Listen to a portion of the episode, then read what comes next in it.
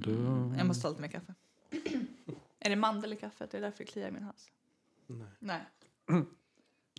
Du kommer inte säga dö av all- allergi eller någonting?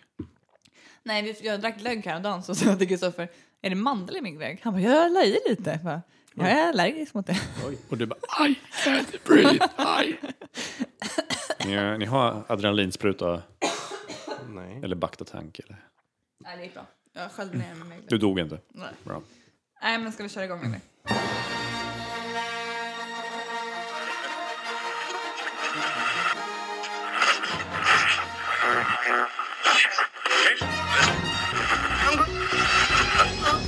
Det här är Rebellradion.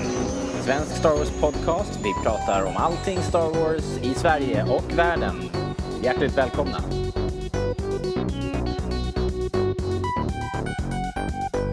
Hej! Du lyssnar på Rebellradion, svensk Star Wars podcast i samarbete med starwars.se. Jag som pratar heter Nathalie och med mig har jag Daniel. Ärade programledare. Och Kristoffer. Hej, hej. Hej! Och eh, vi har ju kommit till årets sista podd. Det känns lite sjukt, tycker jag själv. Men Är, är det sorgligt eller är, det, är vi glada för att vi har nått en milstolpe? jag skulle säga att det är en mix av båda. Okej. Men den här veckan är lite annorlunda för eh, häromdagen gick ju faktiskt Rogue One äntligen upp på biografer världen över. Så det här kommer vi såklart diskutera in i minsta detalj och det tåls att påminnas om att det här är ett spoilerfyllt avsnitt. Har ni inte sett Rogue One, stäng av podden nu. Okej? Bra. Har ni stängt av? Vi är seriösa. Stäng av nu. Så eh, ni har stängt av? Ja, men då rullar vi vidare. Så det kommer bli en hel, hel del Rogue One-snack, men det kommer också bli lite prat om boken Catalyst, A Rogue One Story.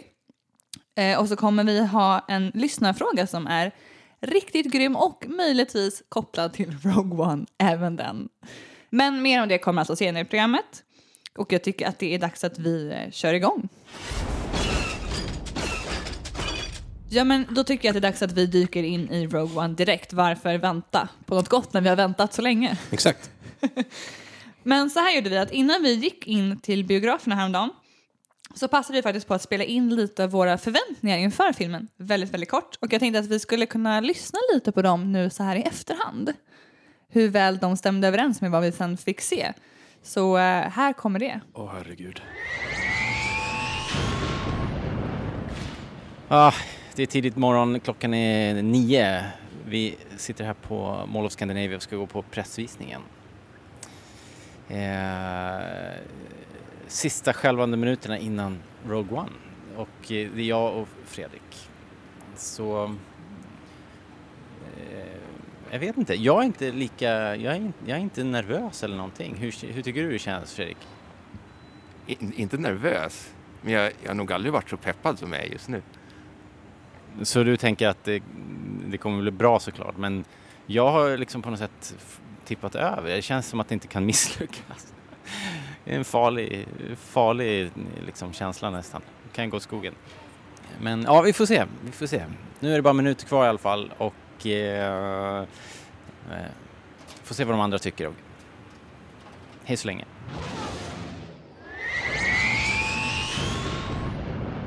Fem- minuter innan. Okay. Ja, fem minuter innan filmen. Här står vi samlade och är så jäkla pepp. Och vi ska tänkte säga lite eh, kort, snabbt vad vi tycker och vad vi förväntar oss av filmen. Jag har vaknat väldigt tidigt. Jag har inte kunnat sova som jag ska idag så att jag tänker att ehm, jag vet inte hur jag ska förklara den här känslan. Jag är jättepepp. Eh, just nu måste jag säga att jag känner mig ganska blank. Jag så här, vågar inte riktigt ha några förväntningar. Jag har gått igenom så många stadier så just nu hoppas jag bara på att det... Jag tror att det kommer bli som en ganska bra actionfilm. Kanske inte lika mycket Star Wars-känsla som de tidigare. Um, supertypiskt mig så läste jag klart den prequel-boken igår kväll. så jag är fortfarande helt inne i det, jag vill bara se fortsättningen nu. Men ehm, jag förväntar mig helt klart en bättre film än Force Awakens tror jag. Men sen funderar jag också på att när det inte är någon crawl, hur ska man veta när filmen börjar? Okej, då går vi in. Nu är det bio. Ja, okej. Um, Jag vill be om ursäkt för att jag låter som en påtänd tonåring. Så, alltså, Jag fick en mick upp i ansiktet, jag var så hög på adrenalin och förväntningar så jag visste inte vad jag skulle säga och, det blev bara mambo jumbo. Även när jag tog micken sen och skulle försöka rädda det jag sa första gången så blev det typ värre. eh, vad jag försökte säga var att jag inte hade några jätteförväntningar för att jag hade kopplat bort det lite tills dagen innan då jag kände shit, det är så nära, det är bara en dag kvar, det är en dag kvar och så kunde jag spontant skrika Rogue One till min fru och tänkte att hon skulle hoppa med i, i hurrandet, men det gjorde hon inte. Till slut sa hon bara, nu är du jobbig, Åh nej, sa hon. man vill inte ha den. Nej. Och då fortsatte jag göra samma sak bara för retande. Vad, vad tänker du, Kristoffer? Eh, jag fattade när filmen började, trots att det inte var en crawl. Men man blev ju lite, eller vi blev ju lite, man, vi blev lite lurade där. Att det först kom a long time ago in a galaxy far far away. Jag bara, åh det kommer en crawl. Det var ingen crawl. Den bara började. Och jag tycker det funkar bra. Men uh, utöver det, mina förväntningar. Jag, eh, vad hade jag för förväntningar? Jag såg fram emot filmen och eh, det var intensivt i början. Speciellt när jag, som jag sa, hade läst klart boken kvällen före. Började precis där boken slutade. Men, men, men tänker du att var dina förväntningar rimliga i förhållande till vad du sen fick uppleva? De var långt under vad jag fick uppleva. Ja, alltså det där kan jag ju själv skriva under på. Mina förväntningar inför filmen var ganska lågt ställda inser jag så här i efterhand. Att jag ville bara, jag trodde det skulle bara bli en actionfilm. Eh, på ett negativt sätt.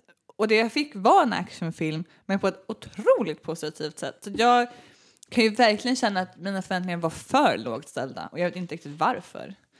Eh, ungefär så känner jag. Det är väl inte så konstigt att så. Kanske bättre det än tvärtom. Ja, men eh, vi upplevde ju förra året hur det kunde gå om man hade, eller jag hade väldigt höga förväntningar. Jag gick ut ur bion efter The Force Awakens och kände lite am- ambivalent liksom, vad, vad jag just hade sett liksom. Men det är väl, vadå, vi är vuxna, vi är smarta. Vi har lärt oss att man inte ska hypa upp sig allt för mycket, kanske. Kanske lite. Förutom Daniel, Mhm, vadå? Va? du hypar upp dig. Jag hypar upp mig. Mm. Ehm, jag vill ju inte avslöja direkt från början vad jag, vad jag tycker om filmen eller någonting, men jag kan känna att om man ska jämföra med Force Awakens så kände jag när jag kom ut jätteglad och allting, så det här var det bästa jag hade sett på länge. Men sen försvann ju den känslan mer och mer, hur, alltså, redan dag två. Medan jag här kom ut och hade en viss känsla, hade en annan känsla dagen efter och tänkte ja, då, det är väl den här känslan jag ska gå efter, så det kommer väl bara eskalera mer.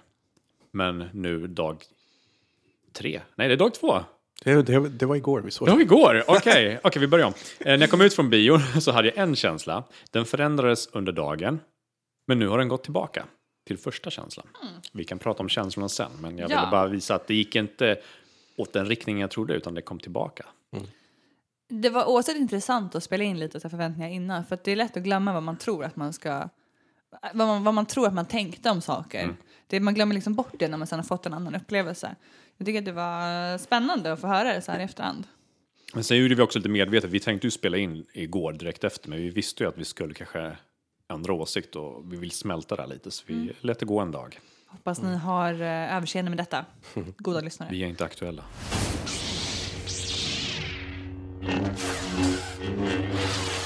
Eh, men om vi ska gå över till själva historien då. Det här är ändå någonting man har undrat länge hur man fick tag i de här ritningarna. Den frågan har ju varit obesvarad under väldigt lång tid och nu har vi fått svar på det. Bara rent så spontant, tycker ni att historien var som ni trodde? Eller hade ni någon annan tanke? Hade ni någon känsla för vad som skulle kunna ha hänt? Det beror på när du menar. Alltså, om man tänker från början när jag såg första filmerna för länge, länge sedan så hade jag väl en helt annan bild av att det var mer militär action. Alltså jag tänkte att det var mer folk och så. Sen när Rogue One presenterades att det var lite elitteam så har jag haft en helt annan bild. Redan där byttes det ju. Eh, men jag har nog inte riktigt fokuserat så här scenmässigt eller någonting vad som skulle hända utan det har väl egentligen varit en ganska enkel premiss. Det är ett litet gäng som ska in och ut. Och det tycker jag att det höll. Det som jag tycker är bra med filmen och storyn är hur många saker den kan expandera kring hela grejen. Inte bara det rena, nu ska vi ta ritningarna, utan allt omkring. Liksom, eh, de olika rebellfraktionerna och allting sånt. Liksom, bara läget i galaxen. Och det, det här är en skitbra story bara för att liksom klämma in så många aspekter av många saker som möjligt, liksom, tycker jag. Jag gillar ju att de har gått ifrån dramaturgin och historieberättandet som de hade i, eh, i trilogifilmerna, eller i Skywalker-sagan. Och eh, det här är ju tecken på att, om man ska klanka ner på Force Awakens, att det gick visst att göra på ett annat sätt. Vi har ju haft diskussioner att det inte går att göra på ett annat sätt för att man vill behålla det som fansen tycker om. Men det här är ju ett jättebra exempel på att man faktiskt kan behålla stilen av Original tri Trilogy men ändå ha en helt annan uppbyggnad, en helt annan dramaturgi och en helt annan stil, men ändå känna att det här är att det här håller, alltså att det är samma tidsperiod. För jag tycker att det här kändes mer Star Wars än Force Awakens. Alltså rent stilmässigt och världsmässigt och höll ihop på ett annat sätt. Även fast det rent liksom cinematologiskt var väldigt annorlunda. Mm. Klippningen, liksom hur scenerna var framade och eh, det text på alla planeter vi besöker och sånt. Precis. Men jag tycker att det här är ju tecken på att det går att göra. Ja. Och, det här är, och det här är också det närmaste jag känner att det här kommer så man kan komma just expanded universe och det här skulle jag lika väl kunna läst i en, i en serietidning för det känns som att det var uppbyggt på samma sätt med karaktärer, story, stil, allting, smutsigheten. Det skulle funka lika bra i en comic och det är därför jag gillar just uppbyggnaden, alltså hur den är byggd och berättad. Ja, jag måste säga att jag, just den här grejen hur man fick tag i ritningarna, jag har alltså inte funderat på det. Alltså tanken har inte riktigt slagit mig att, så här, att, att ens bry mig. Jag har bara tänkt, jaha, de, har rit, de fick ritningarna och sen så kör de vidare. På något sätt har det bara inte slagit mig att liksom fundera kring hur det gick till. Ehm, så jag tycker att hela historien var ganska så spännande för att jag hade inte riktigt någon förväntan på det. Det jag tycker är häftigt med filmen också är att den, har, den, den tar som sagt små, små detaljer, små repliker i A New Hope bara och ger dem jättemycket mening. Typ eh, att ritningar beamades till ett skepp. Det blir en hel scen i den här filmen och det var jättedramatiskt och jobbigt liksom och, och ja, sånt. Ja, men- Eh, men jag tänker efter så kan de komma ihåg att en av mina tidigaste minnen när jag försökte visualisera hur de tog det här så var det att de åkte till dödsstjärnan för att sno planer därifrån och sen lämna dödsstjärnan. Så har, har min inre lilla Daniel-bild varit sedan jag var typ 6, 7, 8 år när jag såg första gången. Och jag, vet inte, jag tror jag förväntade mig ganska länge att de skulle åka till dödsstjärnan och hämta planerna. Och eh, det var inte egentligen förrän jag såg filmen som jag tänkte ah, man kan ju faktiskt hämta dem någon annanstans. Jag måste säga att jag, en sak man har tänkt på är så här, hur kunde de, eller jag som inte har läst eh, Star Wars-böckerna har ju tänkt så här, hur kunde de bygga den så dåligt? Hur kunde de bygga den så att det var det här jävla felet? Eh, och det tycker jag vi fick ett så jäkla bra svar på, för att det var meningen att det skulle byggas så. Den här frågan har kommit upp jättemånga gånger. Bara, varför bygger man en så? Varför bygger man en sån där Ja. hål? Ja, nu bara, håll käften, nu har ni fått svaret. Ja, men, för att det fanns en poäng med att bygga den så, för att någon ville att den skulle byggas så. Det är Och- så självklart, varför man inte tänkt ja, på ja, det? det är ett snyggt svar också liksom för att det var en hemlighet för de flesta. Det var inte så att folk visste om det och struntade i att det var ett stort hål där i ventilations... Vad är det, schaktet. Nej, men hur, hur, menar, hur bra vet du om ditt pannrum är bra byggt eller inte? Ja, exakt. Så jag menar, du är inte där. Så det är Och klart. du litar ju på den som har byggt eh, eh, pannrummet, att den ska ha byggt det rätt. Exakt. Du har ju full tillit till den personen. Mm. Vilket ju återspeglas också i det här. Att det fanns... Eh, att det behövde vara hemligt och en tydlig plan för att det skulle kunna gått vägen. Mm. Och jag tycker också att det är så, som du säger, att det är så snyggt svar. Att det, det är så här... Eh, Det var du som sa det. Nej, ja, det Kristoffer som sa det. Tror jag. Ja, det var jag som sa det. Det var jag. Ja, okej. Vi är inte samma person. Nej, men du tittade på mig. Ja, jag Så att tror jag tänkte att du sa det, men det kanske inte gjorde. Nej, men jag tycker att det var bara, hela den grejen var bara... Det är ändå någonting, som du säger, man har gått och funderat på så mycket och så bara, ja ah, men bitches please. Det är så här det gick till. Mm. Och fint att knyta an det till en väldigt personlig grej också. Ja, en Just- fin historia. Ja. Det är så man gör en bra historia. Man gör den personlig på något sätt. Det slog mig att man hade väldigt många, just när vi snackade om det här, vad, hur, hur visualiserar ni det här att det här gick till? Jag kom på att jag hade, det här är egentligen sidostory, men jag kom på att jag hade en bild av hur Vader såg ut innan jag såg honom första gången. Jag visste att i Return of the Jedi skulle man få se honom utan mask och jag gick på fritids och jag kommer ihåg att jag frågade en som hade sett det här, hur ser han ut? Och jag fick som svar, ja, han ser väl ut som vilken man som helst. Och det första som poppade upp i mitt huvud var Tom Selleck. så jag såg framför mig hur han tar av sig hjälmen och så är det Tom Selleck under. Så jag trodde länge bara, ah, ja, ska vi se för den här filmen, man få se Tom Selleck under. Eh, och det var ju inte Tom Selleck under masken. Det var bara en sidostory på, på en liknande grej känner jag så här. Men vi fick ju svaret på hur Vader såg ut ganska tidigt. Över till Rogue One igen. Men, men alltså som, eh, som story, inte då kanske själva hur hon stal planen, men överlag, tyck, vad tycker ni om berättelsen? Den är väldigt annorlunda mot tidigare Star Wars-filmer. Om The Force Awakens var bra karaktär, sämre story, skulle jag säga att den här är tvärtom, bra story, sämre karaktär. Fast inte riktigt, inte nödvändigtvis sämre, men inte, det är inte karaktärerna som är ett fokus här. Men de får ändå en bra liksom, story där i. Jag kan väl hålla med till en, ja, jo, men jag kan nog hålla med till en viss del. Jag tycker ändå att den lider lite av samma problem som Force Awakens gjorde, att den hetsade sig fram mellan ställen och planeter och händelser. Den ville göra mycket på en gång eh, och på något sätt vidga och känna av att det finns flera ställen, men vi, det lider fortfarande av exakt samma problem som alla Star Wars-filmer, att det är en stor planet och det är så mycket ödemark och så är det bara en liten plätt med just människorna vi följer. Typ. Och lite det stör jag mig på, men jag tycker det var kul att äntligen få se lite nya ställen och inte bara jag höll på att säga, inte bara ökenplaneten, men vi får ju se Jeddah som är en liten ökenplanet, men å andra sidan så är resten en bra motvikt som känns ny och fräsch. Speciellt Scarif som känns inte i närheten av någonting som vi har sett förut. Möjligtvis Kashyyyk, men inte ens ändå i närheten av det. Jag tycker att det var snyggt att de, de be, befann ju sig på väldigt många olika planeter. Jag tycker inte att det var hattigt. Jag tycker att det var bra och så här rimligt. För man har ju en känsla av om man ser typ Ja, men man ser en New Hope så tänker mig att det är en väldigt liten galax långt, långt, långt borta. Eh, det här expanderar ju helt och hållet så här. Ja, här har de sin Kyber Crystal eh, mining som håller på här. Här är en sån här stad. Här har de sina arkiv.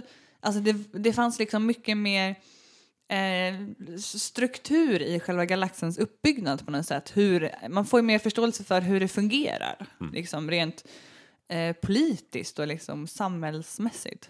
Det här kringhoppandet också, jag tycker att det etableras väldigt snabbt i filmen och filmen har den känslan rakt igenom att det är, det är bråttom. Vi måste fixa det här nu för annars är det liksom kört och det tycker jag funkar ge- he, filmen igenom. Jag köper, jag köper den då. Jag köper det här mer än jag gör i Force Awakens. Men jag tycker fortfarande det är lite för snabbt emellan allting. Det hetsas igenom rätt mycket. Vilket jag då känner i, som du säger, med karaktärerna. Jag känner att det är lite i karaktärsuppbyggnaden också. För att jag hade ju, de hade ju sålt in hos mig i alla fall att det skulle vara en grupp med människor med olika färdigheter. Och då kände jag, ja men då kan det bli så intressant att de kanske är bra på olika saker eller retar sig på varandra eller någonting. Men jag känner att det där gick väldigt mycket förlorat. Ja, alltså som, som du sa tidigare, man har, eh, det, det fanns någon, hade förmedlats någon bild om att det var specialstyrka av något slag. Liksom. Det var ju verkligen inte så. Det var bara random folk som tog en chans och körde på det. Liksom. Vilket jag tycker är bättre. I, I den här storyn funkar det bättre. Jag håller inte med er. Jag tycker att karaktärerna är bra och eh, jag tycker att de är bra för att de är ganska mänskliga på ett sätt jag ofta saknar i Star Wars-filmer. Att folk, eh, som vi har diskuterat förut, beter sig orimligt eh, och märkligt. Eh, jag tycker att de här karaktärerna inte gör det. Jag tycker att många så här, tvivlar, är osäkra, är lite rädda, inte riktigt vet vad de ska göra, är liksom eh, väger saker för och emot. Jag tycker att de beter sig som människor beter sig i sådana här stressade situationer. Jag tycker det är snyggt. Mm. Vad är det han heter, regissören igen? Visst är det Godzilla-regissören? Gareth Edwards. Sorry. Ja. Eh, men jag, tycker, jag tycker han... um, Gareth Edwards gör precis samma sak som han gjorde i Godzilla. Uh, fast Godzilla försökte han ju fokusera på män, människoöden mer än Godzilla i sig. Och han gör inga bra människoöden. Och jag tycker det är lite problem samma här. För att det känns som att de tappar fokus på vilka de är eller på vad deras syfte i filmen är. Men också att de, de försöker presentera folk som en viss typ av karaktär eller drag och sen tappar man bort det helt totalt. Det är som piloten som kommer där. Han är det är jätteviktigt att han är pilot för Imperiet och allting och sen har han gjort sitt jobb. Han har levererat grejen och sen har han inget syfte längre. Han används inte på ett bra sätt förutom att vara vakta ett skepp senare. Men han används inte, alltså, inte mer än så. Det är ju samma sak med, med Jyn tycker jag. För att hon, är så här, hon är jätteviktig i början och hon, man spär på jättemycket hur viktig hon är för allt. Att hon har hängt med eh, Sav Guerrero. Guerrera och allting och att hon letar efter sin pappa och allting. Men Saga Guerrera dör, hennes pappa dör och det känns som att hon fyller inget syfte längre. För att allting som hon gör sen efter känns som det här är lika väl vem som helst kan göra. Fast det hade de inte. De hade inte kunnat öppna Nej, arkivet. det är det enda jag menar. Då finns hon bara kvar för den lilla grejen, att hon vet vad Stardust är. Men jag känner att hon gör inget syfte. Hon, från att hon varit den, så här, vi är mest nyfikna på henne. Och vem är hon? Vi vill veta mer. Är hon tuff? Vad gjorde hon med extremisten och allting? Efter att både han, Guerrero och eh, pappan dör, då känns det som att släpper hela den där grejen. Och det enda hon gör sen är att hon får följa med för att hon ska kunna öppna arkivet. Och jag känner, Det är väl hon som tar initiativet till hela... Ja, jag Ja, men, det är det jag menar. Men jag menar det, är inte, varför, alltså, det, är så, det är inte nödvändigt att det är hon som var tvungen att göra det. Det hade lika väl kunnat vara någon annan. Det kunde lika väl vara Cassian som insett så här, shit, ja, vi måste göra någonting. Han kunde lika väl sagt det. Jag menar bara att hon gör ingenting som känns så här, nej, bara hon hade kunnat göra det här. Fast jag tycker att vi får ju följa hennes story arc rätt bra. Från att hon är... Alltså, jag tycker inte det var så snyggt det här hon sa om så här, men eh, det här stör inte på det här förtrycket liksom. Och hon bara, man behöver inte störa sig på om man inte tittar upp. För så funkar det ju för många att så här, jag behöver faktiskt inte bry mig för jag måste leva mitt liv. Jag, jag, jag, jag klarar inte det här. Och sen utsätts hon för alla de här jobbiga sakerna. Hon får se sin pappa igen för första gången på jättelänge. Och sen när hon väl träffar honom så dör han. Och på något sätt så tycker jag att det sätter igång det här att hon bara, men nu måste jag fan göra det här för, för min pappas skull. Han, det är han som har lagt upp allt det här för att det ska funka. Jag tycker att det är ganska snyggt och att hon är lite motig men jag, jag tycker att det håller helt och hållet. Hennes story arc. Ja, Alltså, det jag menar tidigare, jag menar inte att karaktärerna är dåliga, jag menar bara att eh, det finns inte plats för stora omvälvande karaktärsutvecklingar här, liksom som det finns över en filmserie över tre filmer. Men jag, karaktärerna tjänar storyn väldigt bra och ger det ändå, hinner ge, ge den liksom känslomässig koppling till allting. Alltså jag vill inte ha något djupt som där- att man ska lära känna allting och deras favoritfärger och favoritmat. Utan alltså, Inte? Jag, tycker, bara- nej, jag tycker bara att det här är lite, lite för platt. För att jag känner bara att det blir som en stereotyp man introducerar först och sen inte gör någonting utav. Ta till exempel Donnie Yen och Yang Wen som på något sätt presenteras som ett par där Donnie Yen är är mer den spirituella och så religiösa medan den andra tror mer på ja, men hardware. Han hade ju mer soldat. Och det representeras bara som en mening, typ ah, ja, han tror inte på det, jag tror på det här. Och då känner man, ja ah, men nu har det byggts upp att det ska vara lite så här banter, lite så här mellan dem känns det. Men det känns som det inte händer någonting med det sen. Och jag, Alltså det finns ju faktiskt, fick ett fint klimax. Ja, men det är det jag menar. För grejen är alltså när, han, när Don Jens karaktär dör sen, att han börjar rabbla det som Don Yen har gjort hela tiden, den här bönen eller vad han håller på med. Det känns, jag får inte samma impact, för jag har inte känt den här motstridigheten att han tycker att ah, religiöst, det är bara dravel så här. Han har bara trott på sitt maskingevär. Ja, de har ju skippat hela den delen, man får inte känna det. Han, han kommer ju bara upp ibland och lyfter upp sitt vapen och skjuter grupp med stormtroopers så fort de blir lite för många. Det är typ det enda han gör. Och då tar man bort det där. Alltså, Ja, men alltså man får ju se det. Det är det jag menar att karaktärerna tjänar storyn. Alla karaktärer påvisar någon aspekt av galaxen som de lever i just nu. Till exempel Cassian Andor. När han skjuter snubben i början som inte kan fly för hans arm är trasig. Han påvisar att rebellalliansen måste göra skit också. Och Donnie Yen och Base, eh, nej, Young Wen, de, hela deras grej påvisar på att galaxen tror att kraften är död på något sätt. Medan de då påvisar att nej, den är inte död, den är fortfarande levande liksom. Ja, men jag, jag håller inte med där för att Cassian är den enda som jag tycker så här är den enda intressanta karaktären. För att han håller sin karaktär och roll, hans roll hålls levande rakt igenom nästan hela filmen. För att han visar som du säger, jag tyckte det var jättekul. Det är kanske fel att säga. Jag tyckte det var skitbra att få veta att rebell, rebellerna inte är så genomgoda kanske, att de har också svart och vit, eh, svart och vita Nej, men att, områden de måste förhålla Du kan sig ju till. inte bli rebell om du bara ska göra goda nej, nej, handlingar. men, Nej, att, men så- att, att de är förtryckta framför allt. Att de arbetar i total hemlighet. Ja. De måste de göra. Och men att de, de är beredda att döda folk, att de är, har uh, lönnmördare och så också. Han presenterar ju lönnmördare i hangarerna till exempel. Så jag gillar den bilden av rebellerna. Men jag menar att också, han genomgår ju en förändring. Han lyder ju order. Han sitter sen och tittar på Galen som skyddar sina forskare och inser att okej, imperiet kanske inte är alla så genomonda. Det kanske inte är så svart eller vitt hos dem heller. Alltså typ så här, någonstans där vänder han och sen följer han Jyn. Så att han på något sätt, han, han lyckas ju ändå på något sätt få en personlighetsutveckling som jag gillar. Han drar man längst och det är det, den grejen som jag har hoppats på mer. Inte att man behöver veta minsta lilla intresse från oss alla, utan bara det här lilla, han gör några förändringar som jag tycker jag köper för att det blir intressant. Mm. Men jag tycker att uh, Jyn håller också. Om jag skulle jämföra det med till exempel Ray i Force Awakens.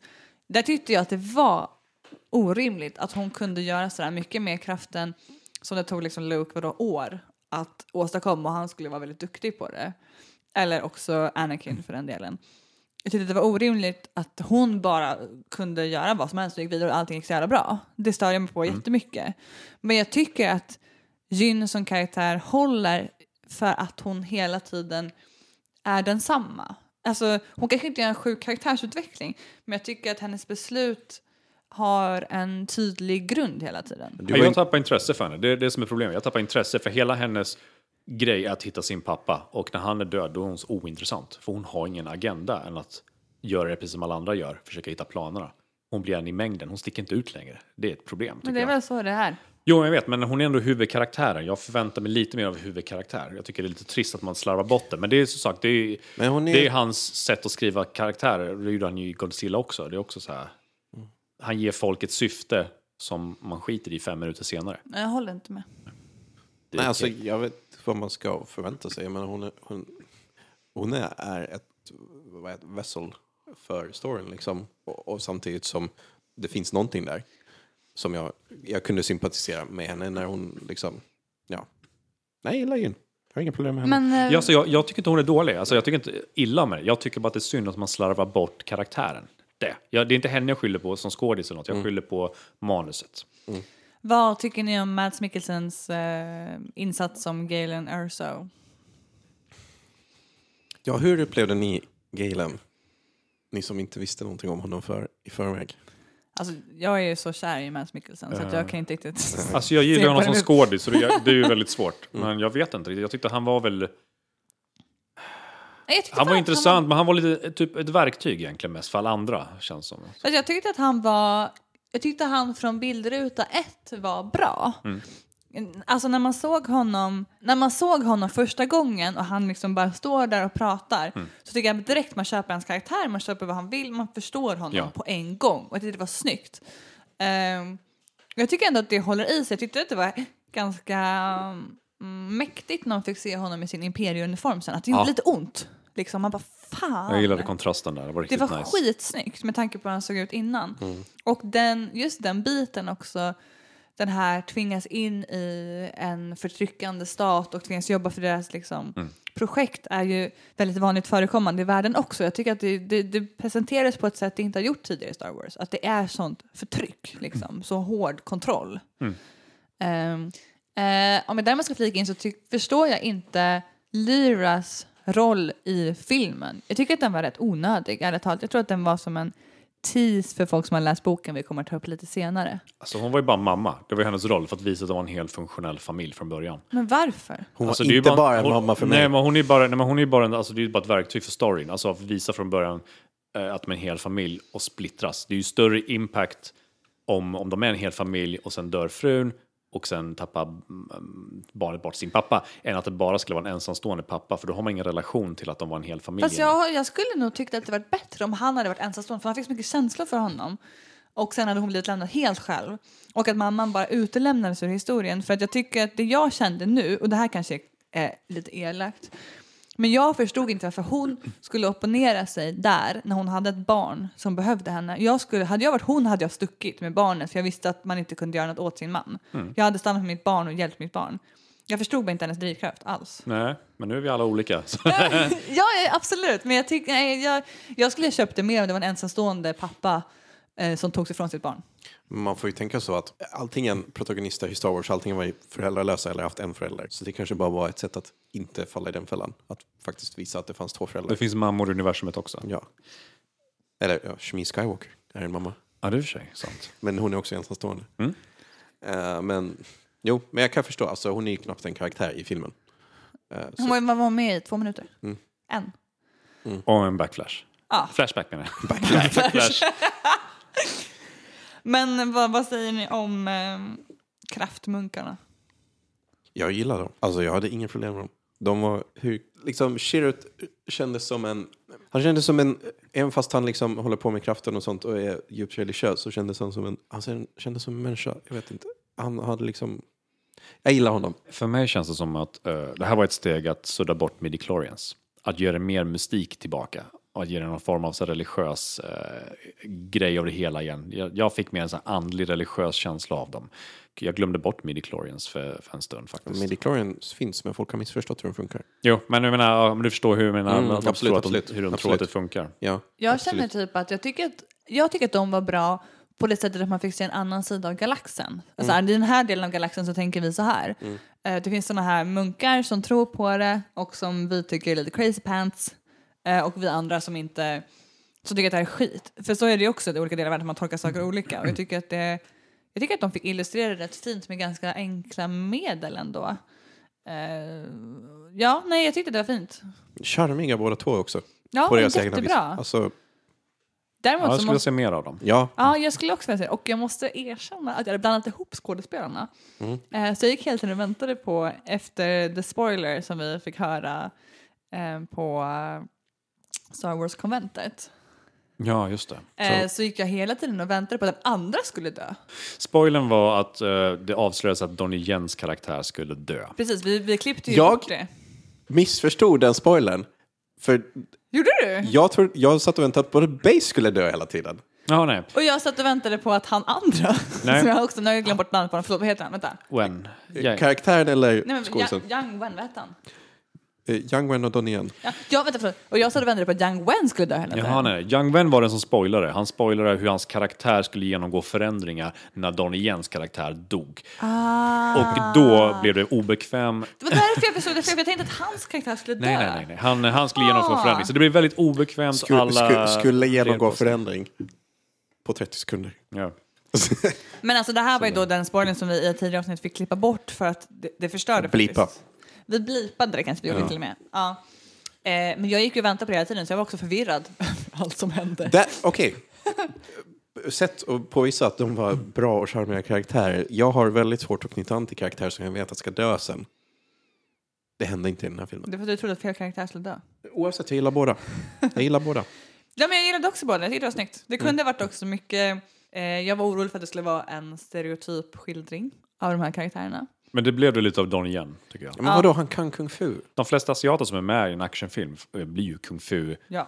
fighters. Ja, då är ju Young Wens karaktär alltså mindre stereotyp. Då är han ju en mercenary med vapen. Han gick inte och slogs en enda gång.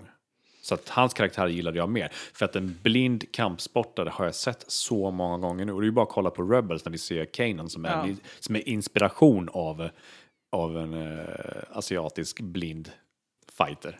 Ja, och jag håller med om det. Det är stereotypt, men jag tycker att de på andra sätt undvek ganska mycket stereotyper. Jag tycker att det var ganska, ändå bra porträtterat. Ja. Eh, vilket ju inte är mer än man borde förvänta sig. Men, eh, Jag är glad att han inte gick runt och lät som en fortune cookie hela tiden. Ja, men lite trodde. så var det li- jag var rädd för. Ja, Men- lite var men det, det men det var var, lite så. Men det, var, det, var det, det är det jag menar. Han var så jävla rimlig karaktär. Han skämtade och han Ja, drev med saker exakt, som hände. Exakt, och jag gillar att han skämtar och inte var sån här allvarlig filosof. Typ. Att han gick inte runt och bara lät allvarlig på allting och skulle läxa upp alla i filosofiska frågor. Utan han var skämtsam. Och Han, han var mycket humor. medveten om hur bajs allting var, men han försökte ändå liksom hålla uppe Det håller jag med. humöret på något sätt. om vi går vidare i vår karaktärsdiskussion eh, här. Eh, Orson Krennic.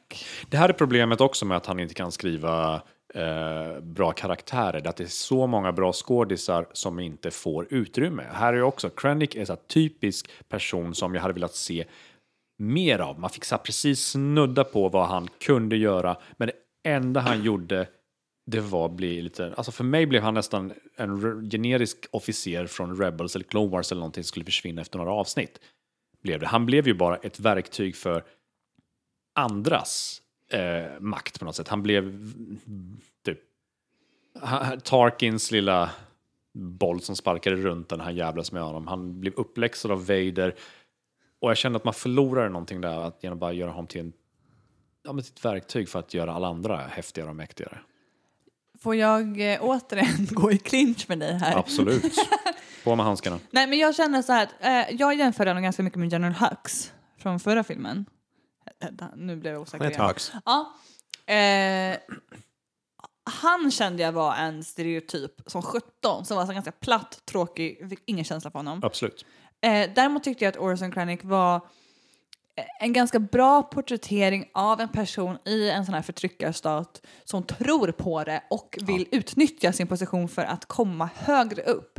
Att han var ganska, så att, han var ganska snyggt porträtterad som massa störig person som så vill få saker för egen vinning. Nej, men jag håller med. Det är det jag menar. Att jag tycker att han utnyttjades för lite för att göra flera sådana grejer. Det känns som Han, att han fick för lite spelplan. Och det hände mest Ja, i, men det kan jag så- hålla med det hände som mest i början, precis som alla andra karaktärer. Man gör det i början och sen tappar man bort det. Där har vi igen den här röda tråden. Presentera dem för fullt ut i början för att visa vad den är för typ och sen är de bara, de blir nästan bifigurer i världen sen. Fast jag gillar lite den här, eh, den, den här scenen med honom och Darth Vader.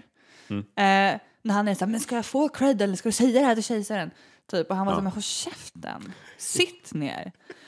Och den kan jag känna så här, åh jag har träffat den här typen förut. Alltså jag vet vad det här är för människa. Mm. Som så här, alltid ska eh, visa sin egen storhet och att han liksom åker på däng för det och sen måste försöka motbevisa sig själv igen. Men ja, han fick för lite utrymme för han var en jävligt bra karaktär. Och sen dör han så jävla... Alltså det är sån antiklimax-scen. Det är Jo. verkligen, och där jag menar det slarvas bara bort. Och det är det som gör mig så förbannad på något sätt att man inte utnyttjar det. För här har du coola karaktärer som man typ nästan tröttnar på att skriva känns som. Det är så här, "Ja, nu har jag slösat all min skrivkraft på den här karaktären i början. Ja, ja, vi måste ju ha dem kvar till slutet. Men det är ju snyggt att han får ett så förnedrande slut. Jag menar, dödsstjärnan var ju hans, liksom, hans väg till toppen. Liksom, och det var ju hans projekt. Och den här rivaliteten mellan honom och Tarkin tyckte jag inte heller liksom visade Det kunde så- varit mer. Det kunde ha varit mer. Det kändes som en grej. Här är en rivalitet. Bara, Okej. Fast jag älskar när Tarkin bara, det, det här har du ju gjort bra, jag tar över nu. Ja. Ja. Nej, men, Det, den är också den där känslan man har haft själv när man bara, men what the fuck, jag har Men- gjort det här själv. men jag tycker Krennics slut är bra. Det är, jävl, det är förnedrande för honom. Liksom. Och det tycker jag. jag tycker ändå jag att tycker vi... den gick förlorad i att allt annat hände samtidigt runt om. Jag tycker att han dog lite med alla andra. Jag vill återigen inte hålla med. Mm. Jag tycker att det var snyggt. Att han fick... Alltså, jag tycker det är bra att han fick ja, ett förnedrande Han slut. blev förnedrad och sen så bara dog han, Alltså, jag- precis som alla andra. Jag har inget problem att han dog av dödsstjärnan. Jag har problem att Nej, det var han, ju väldigt poetiskt. Ja, men jag har problem att han gick ner bara för ett litet skott där. Han kom där, haha, nu ska jag egentligen stoppa er. Och sen blev han skjuten och så ligger han där. människa. Ja, men, Men han är ju verkligen bara människa. Som alla karaktärer i den här filmen. men det är trist. Fast För att Fe- Garrett är så bra, han har, det kan vi komma fram till senare, han har så många coola lösningar på andra grejer som jag kände, varför har ingen tänkt på det här förut? Varför har ingen gjort det här förut? Men när det kommer till karaktärer så faller han lite pladask. Ja, ja. Alltså, jag håller... Han vet inte hur han ska avsluta. jag tycker nog att vi här har för högt ställda krav, va? Jag tycker Nej, att det... det är mer att jag ser en röd tråd. Jag har sett hans tidigare filmer, två stycken, och jag, han gör precis samma grej fortfarande. Men hur känner, skulle han kunna ge alla de här karaktärerna så mycket mer utrymme? det behöver inte gått. ge så mycket utrymme, men att man tappar, han tappar fokus på dem. Att han har då, han har, nej men jag vill ha samma, samma stil som han har i första halvan av filmen, vill jag att han ska fortsätta sen. De blir bara bieffekter, eller blir bifigurer. Jag menar inte att han ska ge en mer djup, jag vill bara att han ska hålla karaktären, han tappar karaktären på dem. Det är det jag känner. Det är problemet.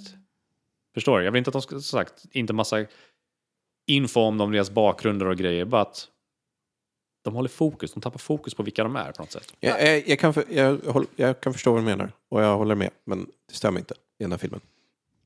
Storyn är fokus här. Det stör mig inte jättemycket. Nej. Jag tycker bara att det här det, Men jag håller det, med. det, det är det en negativ aspekt som jag jag, upplevde tycker. samma ja. sak med i Godzilla som du pratar om. Och, men där var jag också där för att se de stora monstren som Ja, slogs mot varandra. exakt. Men här har jag fått se alla coola rebeller. Men om vi kastar in Saw Gerrera i leken också då? Ehm, han hade en mycket större roll än vad jag hade tänkt att han skulle ha. Jag trodde det skulle vara på nivå med liksom uh, Max von Sydow i Force Awakens. Ja, men jag håller med. Men han, Ja, den. Jag Ja. hade glömt bort det redan. Ja, men så var det ju absolut inte. Och jag gillade det. Bara för att belysa en annan aspekt av det här och visa att det är inte så slätstruket allting och så. Nej, men det är för att han är med en liten stund. Då, Mm. har, alltså, då, då kan man fokusera på honom. Då, hade han varit med längre tid av filmen, då tror jag att man kanske skulle börja tappa det också. Men eftersom han är med i en kort period så hinner man avverka allt, alltså ha, hålla fokusen på honom där. Då, För att alla intressanta karaktärer, som Mats Mikkelsens karaktär också, han dör ju också efter halva filmen och han också så här blir, är ju intressant hela vägen nästan. Men det är, det är någon turning point där, man börjar så här, så nu skiter vi i alla karaktärer, nu ska de iväg och hämta planen och då glömmer man karaktären och då fokuserar man bara på planen. då leker jag väl djävulens advokat här och håller återigen inte med. Mm. Jag tyckte inte om hans karaktär. Inte? Eh, och ena problemet är att jag inte förstår hur Forrest Whitakers Saw Gerrera hänger ihop med Saw Gerrera från eh, Rebels. Eh, Clone Wars. Clone Wars. Det har jag också väldigt svårt att se. Jag, jag, har, jag, jag ser noll koppling mellan de två karaktärerna. Jag förstår inte varför man inte bara kunde ta ett annat namn. Varför kunde inte det få vara en annan karaktär? Nej men jag håller med, jag tycker också att det, kopplingen mellan dem kändes väldigt Orimlig. vag. Men Va- Hur kan det ens vara samma person? Jag förstår I, inte I det. en film med väldigt många väldigt bra kopplingar så var det här den svagaste. Men var det här bara för att binda ihop det lite till? Det tror jag. För jag tycker det var töntigt. Det tror jag. Det tror jag. För att försöka få, nu har de kopplat med Clone Wars, nu har de kopplat med Rebels, nu har de kopplat med de riktiga filmerna. Jag tror att det här var bara en längd. Vi fick en härlig koppling till Rebels när man hör att uh, Captain Syndulla General. Ja, sorry. Jag hörde ju inte det här. Eh, General Syndulla rop, ropas upp i komsystemet att troligtvis, ja, det är Hera. Så det var, en, det var snyggt tycker jag. Det var där, en blinkning bara. Det ser- här förstod jag inte. Och så ser man ju Ghost också, skeppet. Just det, Ser ja. man ju bland flottan. Hade svårt att utskilja det. Mycket skepp. Men eh, jag, Jag, tycker, jag missade ju å andra sidan att de utannonserade och ropade på henne. Nej, men det gjorde jag också. Det var verkligen bara Kristoffer viskade bara det är Hera. Jag bara jag, Var? Var? Var? Var? Var? Jag ser henne inte. Eh, jag, jag har också läst att folk menar att de har sett Chopper i hangaren där någonstans. Jaha. Så det här är- kommer ju vara en film som blir guld värd sen den kommer på Ja, eh. Blu-ray. Men eh, bara för att återgå till Saw Gerrera så tycker jag att hans karaktär var helt platt. Alltså jag, jag kände ingenting För för, att gå i honom. clinch med dig, håll... nej jag skojar bara. Nej, men alltså jag Jag kände, håller med. När de återförenades, så här, jag var så här, eh, Han var lite plot device typ. men alltså det var så tråkigt. Och jag tycker att han var... Alltså det roligaste med honom var hans lustiga monster. Just Ja, det, den just det. jävla grejen. Det var ju skitskum. Det, fattar inte allt. Det- Den var så konstig. Och det var typ det roligaste som hände i hela den scenen var att monstret och sen att hon fick se hologrammet. Resten sket jag fullständigt Mm. i. Jag tyckte däremot han, eh, hans högra hand, eller vad man ska säga, han eh, som tar emot, eh, som tar emot piloten där ute. Han two tubes. Ja, han som pratar, som var väl någon form av high-ranked kan jag tänka mig. Han tyckte jag var rätt intressant och han var inte med alls mycket, han gjorde inte så mycket, men han skulle vilja se mer av. Han var bara en tuff karaktär tyckte jag. Ja, och bara för att återgå till piloten, för jag hann inte säga det här tidigare, men jag tycker att hans karaktärsutveckling var bra. Han kom dit, han hade ett mission, han skulle lämna den här Du tänkte jävla på grejen. Body Rook. Ja, precis. Han skulle lämna den här, eh, det här meddelandet, han skulle få fram det, så fick han fram det och nu bara shit, vad gör jag nu? Alltså han har ju förlorat sitt jobb, han kommer bli dödad on site om någon ser honom. Och hans enda grej är så här, men då får jag, jag får bara hänga på, jag vet fan inte vad jag ska göra. Jag tycker att det var snyggt att han var så här förvirrad och lite så här riktningslös och liksom och att han också dog så sjukt osentimentalt. Alltså det var också bra. För det var så det skulle kunna hända ju. Det var Ja, rimligt liksom. överlag jättebra. Alltså, dels, in- inte jättebra, men liksom ändå nytt i Star Wars att alla dör. Alltså, det är en sån här klassisk låtsasspoiler, bara alla dör. Vi, Alla va- dör! vi varnar er för spoilers innan ni börjar Ja, lyssna på det, ja, så ja. ni får skylla er Ja, själva ja. ifall ni blir arga nu. Ja, Ja, men ska vi gå in på det? För min, min nästa punkt jag tänkte vi skulle prata om är den här själva krigsskildringen. Eh, vad, vad, vad, vad tycker ni om det överlag? För det är väldigt olikt det vi har sett tidigare i Star Wars. Ja, alltså, vi har pratat om det, du och jag tidigare. Alltså jag, där precis i början när de är på Jeddah, så fick jag lite så här existentiell ångest när jag satt där. För den krigsskildringen, när de anfaller tanken och allting sånt, och barnet står där och gråter eh, och sånt. Det var liksom, det blev nästan lite olustigt. För det kändes så med estetiken runt omkring och allting sånt. Det var så analogt till bara vad som pågår vilken dag som helst nu för tiden i Mellanöstern. Och det, var, och det kändes inte heller som att det fanns någon kritik där eller någonting sånt. Det var liksom bara, ej nu kopierar jag det här för det är liksom ganska effektivt. Och det kändes olustigt och sådär. Men jag kunde väl också släppa det sen till viss grad. Fast jag tycker ju då, jag verkar vara på, på kant med alla här, men jag tycker ju att det var bra. Jag tyck, jag, min kritik mot Star Wars har tidigare varit att det varit distanserat, att det har varit för mycket avstånd till karaktärerna, att man inte har känt så mycket. Jag fick ju direkt när man såg det, man såg det här lilla barnet, man bara, men shit det är ju så här det är. För då, i Star Wars, hela den här handlingen, det är ju så här det måste ha varit, men vi har inte fått se det förut. Och jag tycker att den här typen av referens till vad som pågår just nu i Syrien och Aleppo liksom är viktig, för jag tycker inte på något sätt att man ska kunna glamorisera eh, krig. Eh, det ska vara rått och det ska vara hårt och jag tycker att den här filmen visade det så bra. Så bra. Vad säger Daniel? Ja, jag håller med. Jag har ingenting att flika in. Jag, precis, precis vad ni säger. Jag tycker alltså det skildrades bra, det var smutsigt, det var rått. Jo, alltså det, det var just bara där. Just där. Närgånget. Mm, då var det liksom bara, oj, fan. Men var inte, är inte det man ska känna inför krig? Jo, det ska väl inte vara de här det- la, det laserfighterna Exakt, det är väl det man ska känna. Men jag menar bara, den här kontrasten mellan att jag sitter där och kollar Star Wars, och känner jag så plötsligt. Det är helt nytt. Och det är också ganska spännande. På Men ett sätt. det, Exakt. det var väl viktigt, tycker jag. Ja, För, för grejen är så att man känner ju direkt att eh, striderna i de, i de andra filmerna blir ju väldigt ganska löjliga när man har stormtroopers till slut som inte träffar någonting. Det blir ju nästan lite en fars. Alltså, Det blir komedi på något sätt. Eller Ewoks som slåss med pinnar. Exakt, så det blir ju det blir en helt annan stil. Men här kändes det som att de hade lite eh, bättre koll på vad de höll på med. Det var ju lite tuffare stormtroopers, det var, alltså de slängde in krigsmaskiner och som såg mer ut som, som tanks mer än vi vill sälja leksaker.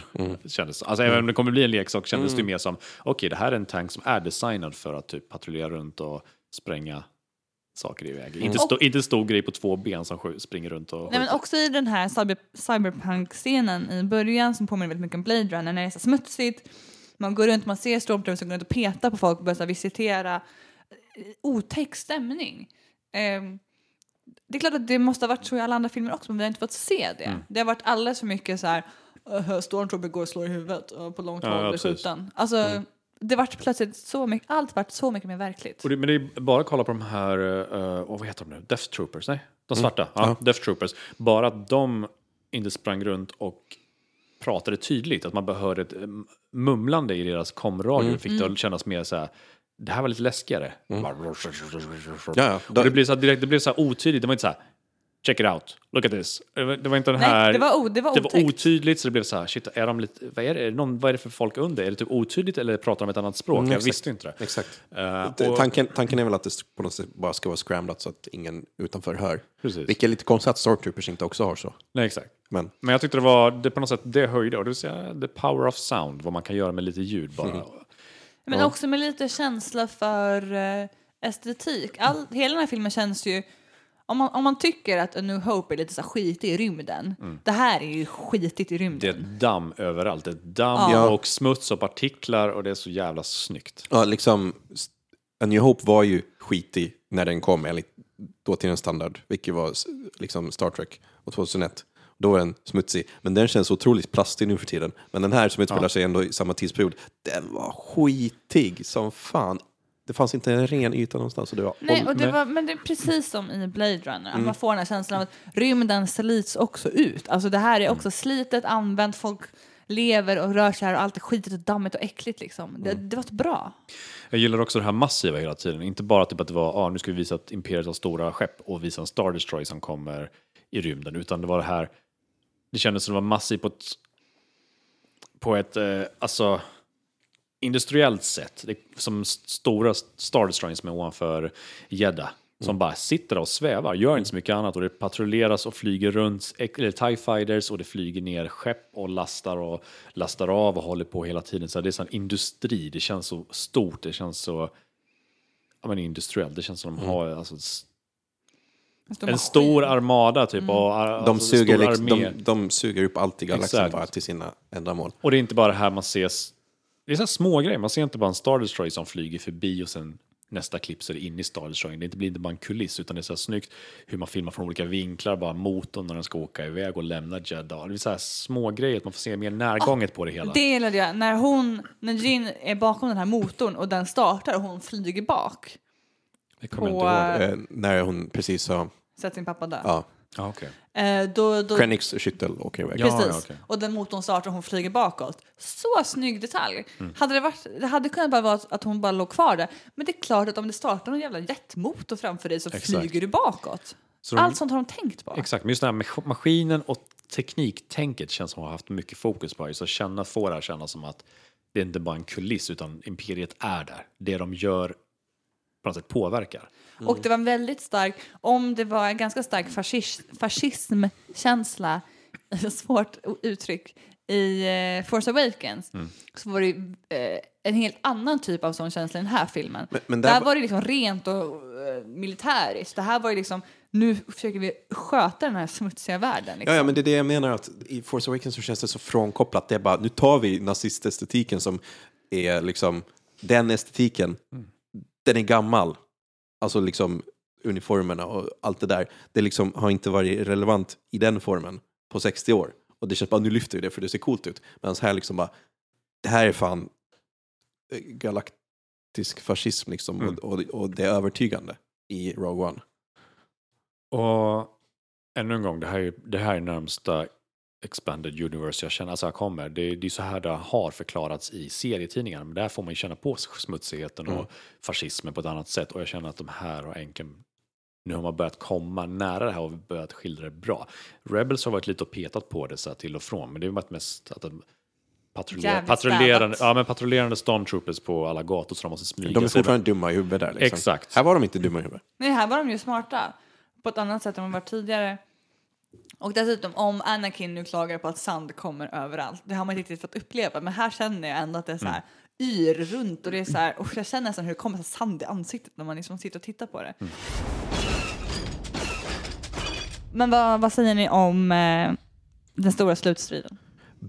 Bästa sen Return of the Jedi och så jävla tillfredsställande. Alltså, Kan vi prata om att de har ett skepp som puttar en stor Star Destroyer Ja! in i en annan Star Ja! Destroyer?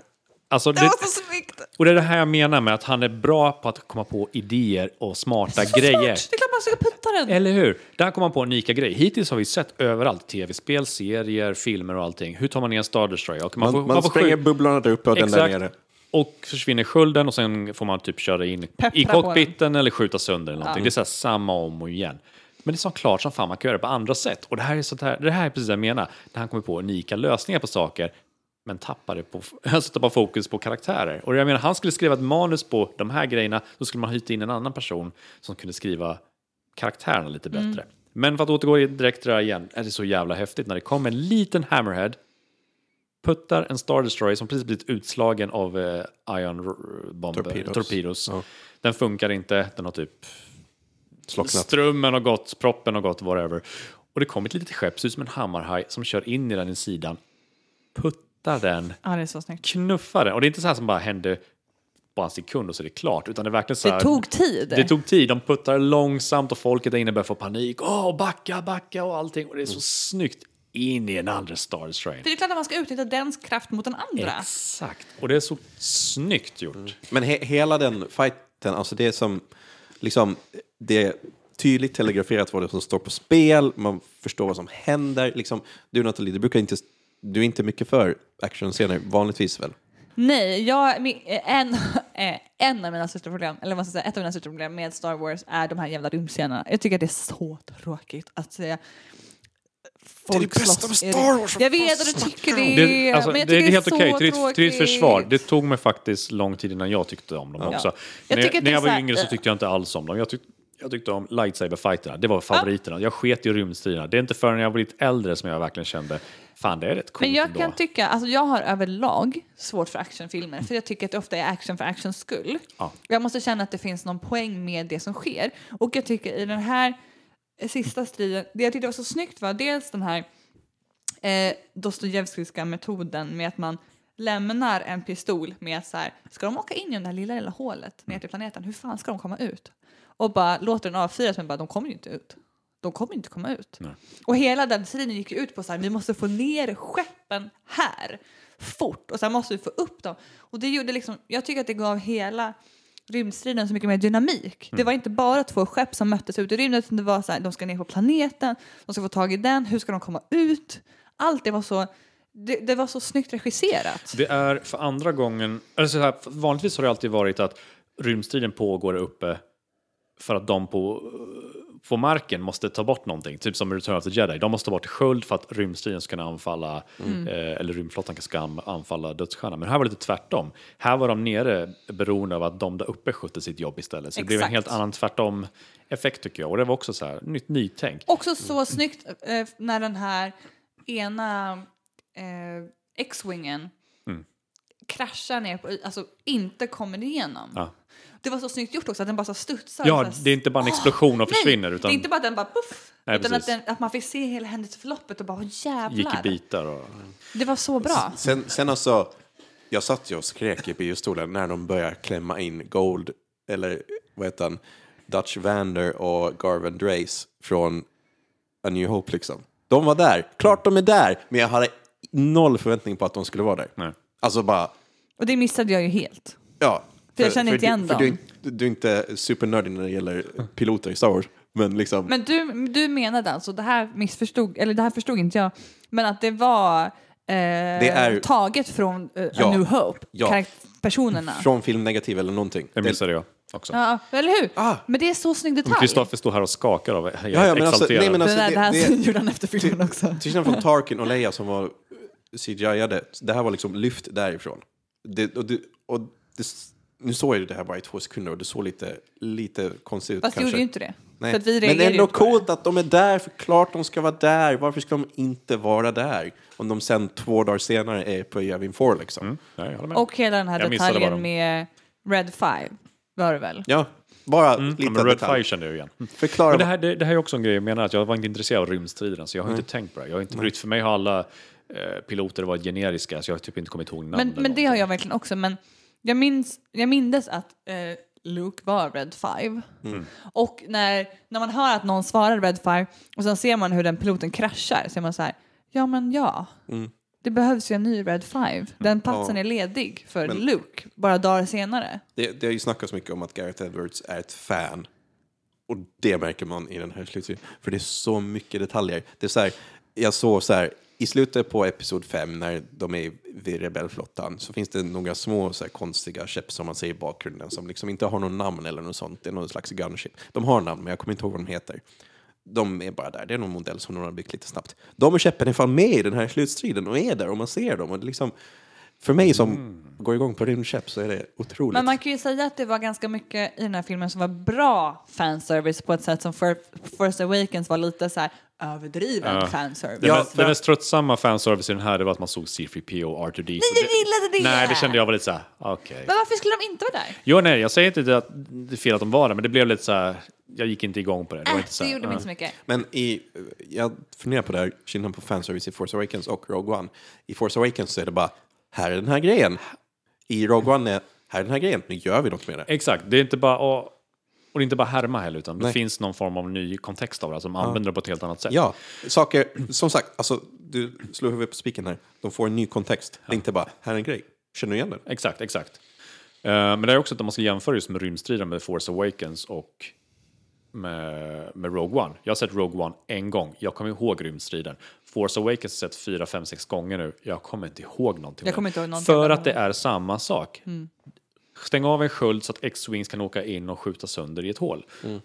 Det, är, det är precis samma sak. Och där har vi också tillbaka till det här. Det går att göra en film som känns Star Wars och kunna ändra alltså, manusstrukturen utan att härma saker eller göra en, en tribute till allting. Helt. Och om man också knyter an till krigsskildringen igen då så tycker jag att eh, det här väldigt apokalyptiska slutet var otroligt bra. Jag gillade hela den grejen och nu kanske jag är tråkig men jag eh, gillade så mycket att Jyn och Cassian inte skulle ha någon jävla kärleksrelation. Mm. Att det inte skulle vara en kvinna där som bara skulle bli kär i en jävla man. Jag tycker att det var snyggt. Visst, de höll varandra i handen men de skulle fucking och krama Men varandra. de, de, visste de vad som skulle ju hände. dö. Ja, de visste vad som hände. Men det var inte det att det var så uppbyggd kärleksrelation. Vad ska hända nu? Som det var i Force Awakens också. Som jag var lite störd på. Eh, men på tal om elefanten i rummet, eller dödsstjärnan, som, vi, som, som en stor del av filmen. Och ett återkommande tema på den här podden. Precis. Eh, jag måste säga att jag störde mig nog mer på Starkiller Base än vad jag gjorde på riktiga dödsstjärnan. Även om dödsstjärnan kommer nu för en tredje gång eller fjärde gång. För att det sköttes så snyggt här. För dödsstjärnan var inte fokus. Och likt Starkiller Base så blir det någonting i bakgrunden. Men dödsstjärnan används som ett verktyg för folks eh, mål eller makt eller något annat. Så här. Den känns inte som det är inte viktigt. Jag är glad att de inte var på dödsstjärnan någon gång. Var de det? Mm, Alltså lite tydligt. grann. Jo, lite när de, alltså de går inte runt i korridorer och så, Nej. Mm. men de är i så här typ kontrollrum och sådana grejer. Och jag tycker det sköts så snyggt, för det är inte det viktigaste, utan det blir, blir ett verktyg för folks begär på något sätt. Och Ja. maktspel. Och Men inte som, som Starkiller Base som också är av, alltså det blir bara samma sak där man kan inte ens göra det något seriöst av det utan man bara, "Ah, ja, ännu en till, ja, vi vet att det går att spränga på något sätt, låt oss lösa det. Där orkar man inte Mm. Och där, göra och något smart av det. där vältras det liksom förödelsen som det orsakar. Medan här, bara sätter det filmat liksom, hur det är klippt. Man får typ inte ens nästan se den skjuta. Man vet att den skjuter, men man får inte se det. Och det liksom funkar för att... Du får ju se det i slutet. Jo, visst. Men då är det liksom inte... utan det liksom, man ser det i horisonten bara, så kommer det ner och. Och det är typ slow motion och det är så jävla snyggt. Mm. Och, och det, tar, det funkar ju för att det håller det i bakgrunden, det blir inte ett fokus och det tar inte bort från bombastiken som ska komma i episod 4, ja, att den faktiskt förstör en hel planet. För. Ja, precis. Att, att den liksom verkligen bara pulveriserar en hel planet. Och sen är det slut. Det är lite samma effekt som eh, vi snackade om när X-Wingen ramlar ner på skölden. Och den studsar, den, Ja. blir, den blir inte bara en explosionsboll och sen klipp till nästa grej. Utan det här blir skjuter ner någonting och sen tar det lång tid innan saker händer. Marken börjar rämna, man ser horisonten hur det närmar sig och folk hinner Alltså man hinner närgången se när folk Mm. får panik eller flyr eller vad de bestämmer sig vad de ska göra. Det är inte bara tryck på knappen. Pss. Ja, där den funkade. Det var snyggt när de var på Jeddah. När den eh, test sprängdes första gången liksom, på stan där. Det var riktigt snyggt, det tog sån tid för stan att så långsamt pulveriseras liksom. Och det var smärtsamt. Jag, Bara, är- jag är nyfiken på dock där är hur, undergången, hur, den är på väg mot oss Exakt. Jag är nyfiken på hur... eh, För det är klart det är klart som fan att de kan ju faktiskt skjuta olika doser. Det är inte bara spränga planet som gäller, utan man kan ju skjuta atombombstora laddningar också. Jag antar att det är atombombsstora för de tar ju sönder städer, men det skulle vara kul att få se, eller kul också, fel ord. Det skulle, det skulle vara intressant att veta hur stort eh, område som det faktiskt Kan spränga. sprängde där, just så som det gjorde, för man ser att den fortsätter ju alltid spränga vidare, det sista man ser. Ja, hur såg Jeddah ut efteråt? Ja. När det var färdigt? Hur stort liksom? område tog den egentligen? Ja. Det, eh, det, det jag tyckte var en snygg detalj också, apropå den här studsen på skölden där. Ehm, när, när de startar den här strålen och de här två som står där så vänder sig bort och försöker ta huka undan den här som liksom drar förbi. Också snygg detalj. Jo, så, så är det ju de gamla filmerna också. Jo, men, Men- det var att de tog tillbaka det också. Exakt. att det fanns många sådana typer Exakt. av detaljer på så här verklighetstrogna reaktioner. Ja, och jag gillar också, även om man inte så tydligt såg när dödsstjärnan tjöt så såg man ändå den här kontrollrumssekvensen när de eh, drar på spakarna som är jävligt tillfredsställande bara för att det är knappar och spakar och man vet att man ska... 700 miljoner knappar. Ja, men de tog med den två, tre gånger bara för att folk gillar de scenerna. Liksom. Ja. Det är väldigt snyggt gjort. Jag tycker, ja, om man varit rädd för att dödsstjärnan figurerar ännu en gång så tycker jag att det här är snyggt gjort. Det här är, de har skött det jäkligt bra. Där. Jag måste säga att jag inte var orolig för att ärligt talat så är det ju inte dödsstjärnan som figurerar ännu en gång. Det är dödsstjärnan som figurerar för första gången.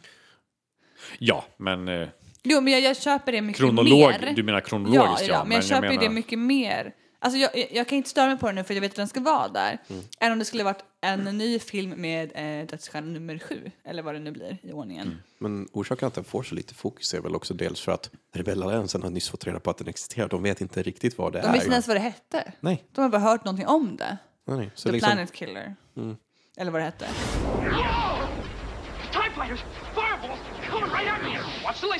Men om, om vi ska gå över till en annan grej som var spännande så kan jag ju berätta bara hur Kristoffer reagerade när vi fick se Tarkin första gången. Alltså den reaktionen, jag önskar jag hade bandat den. Han typ studsade upp och ner i stolen och bara herregud, det är han, det är han, nej, nej, är det sant, vänta. Alltså jag blev helt golvad. Och jag vet att det... Ah, var det till dig jag ropar håll käften? Nej, alltså, jag blev... Vi satt ju inte på samma rad. Nej, nej, Nej. tyvärr. Men alltså, först när man ser honom på bakhuvudet bara, ah, det är allt vi kommer När, se. när man, man såg speglingen ja, i sen, och sen kom speglingen, bara, det är allt vi kommer se. Sen vänder han sig om och det är fucking Tarkin. Och jag vet att det inte säger, Tekniskt sett är du ju inte det. nej, men Och av så här, I killed your dream. Alltså, rent etiskt är ju det intressant eftersom han dog 94, vill jag minnas. Mm. Eh, skådespelaren. Eh, vad heter han? Peter Cushing. Peter Cushing, just det. Eh, det är ju etiskt tveksamt, de har säkert frågat hans familj. sure. Men ändå. Men, Men- jag... jag Men de, de, det räcker med att de har kontrakt på att de äger karaktären. ja, i och för sig sant då. Det är sant. Det är sant. Eh, men eh, jag, kan, jag kan dra en parallell bara att vi har ju precis sett den här tv-serien Westworld. Eh, fantastiskt bra om ni inte har sett det. Jag har inte sett den. Nej men gud, se den. För fan. Men eh, i en sekvens här, och det här har spoilar inte handlingen på något sätt, så får man se en ung Anthony Hopkins gå runt i, i serien. Och det är så snyggt. Eh, att man säger herregud, det här är Anthony Hopkins när han är ung. Han går här i, i serien. Ehm, men när man då fick se det här med Tarkin nu, det, det här, det går inte att jämföra. Alltså visst, nå- någon kommer säga det är Uncanny Valley och det såg inte helt 100% verkligt ut. Klart det inte ser 100% verkligt ut. Uncanny det, Valley. eh, Uncanny Valley, att eh, ju mer någonting börjar likna en människa, Alltså, otäckare ja, det. det kommer en eh, väldigt tydlig punkt när, när det blir för likt men det är inte 100% där, där det blir obehagligt. Och vissa kanske menar, men oavsett, det är fantastiskt, den här människan har varit död i 20 år och där var han. Jag var övertygad. Och rösten satt ju också. Ja, det där, det, det där läskigt, var alltså. Tarkin. Det där var Tarkin från A New Hope. Och det var... Nej, alltså som sagt, jag blev ju helt jävla bananas. Och alltså, jag var ju också rädd för att vi inte skulle få se honom mer än där i speglingen när jag insåg att det var Tarkin. Liksom. Eh, men han var ju med rätt mycket och jag tyckte inte att det på något sätt störde. Alltså jag tyckte det var Man bra. såg ibland att det var CGI. Jo, Eh, alltså det visst, syntes, det men jag, tyckte, jag köpte det. Jag tyckte det var bra Exakt. lösning. Jag, Och det var ju snyggt. Det var är klart att övertygande Det nog, hade ju varit märkligt om han inte var med.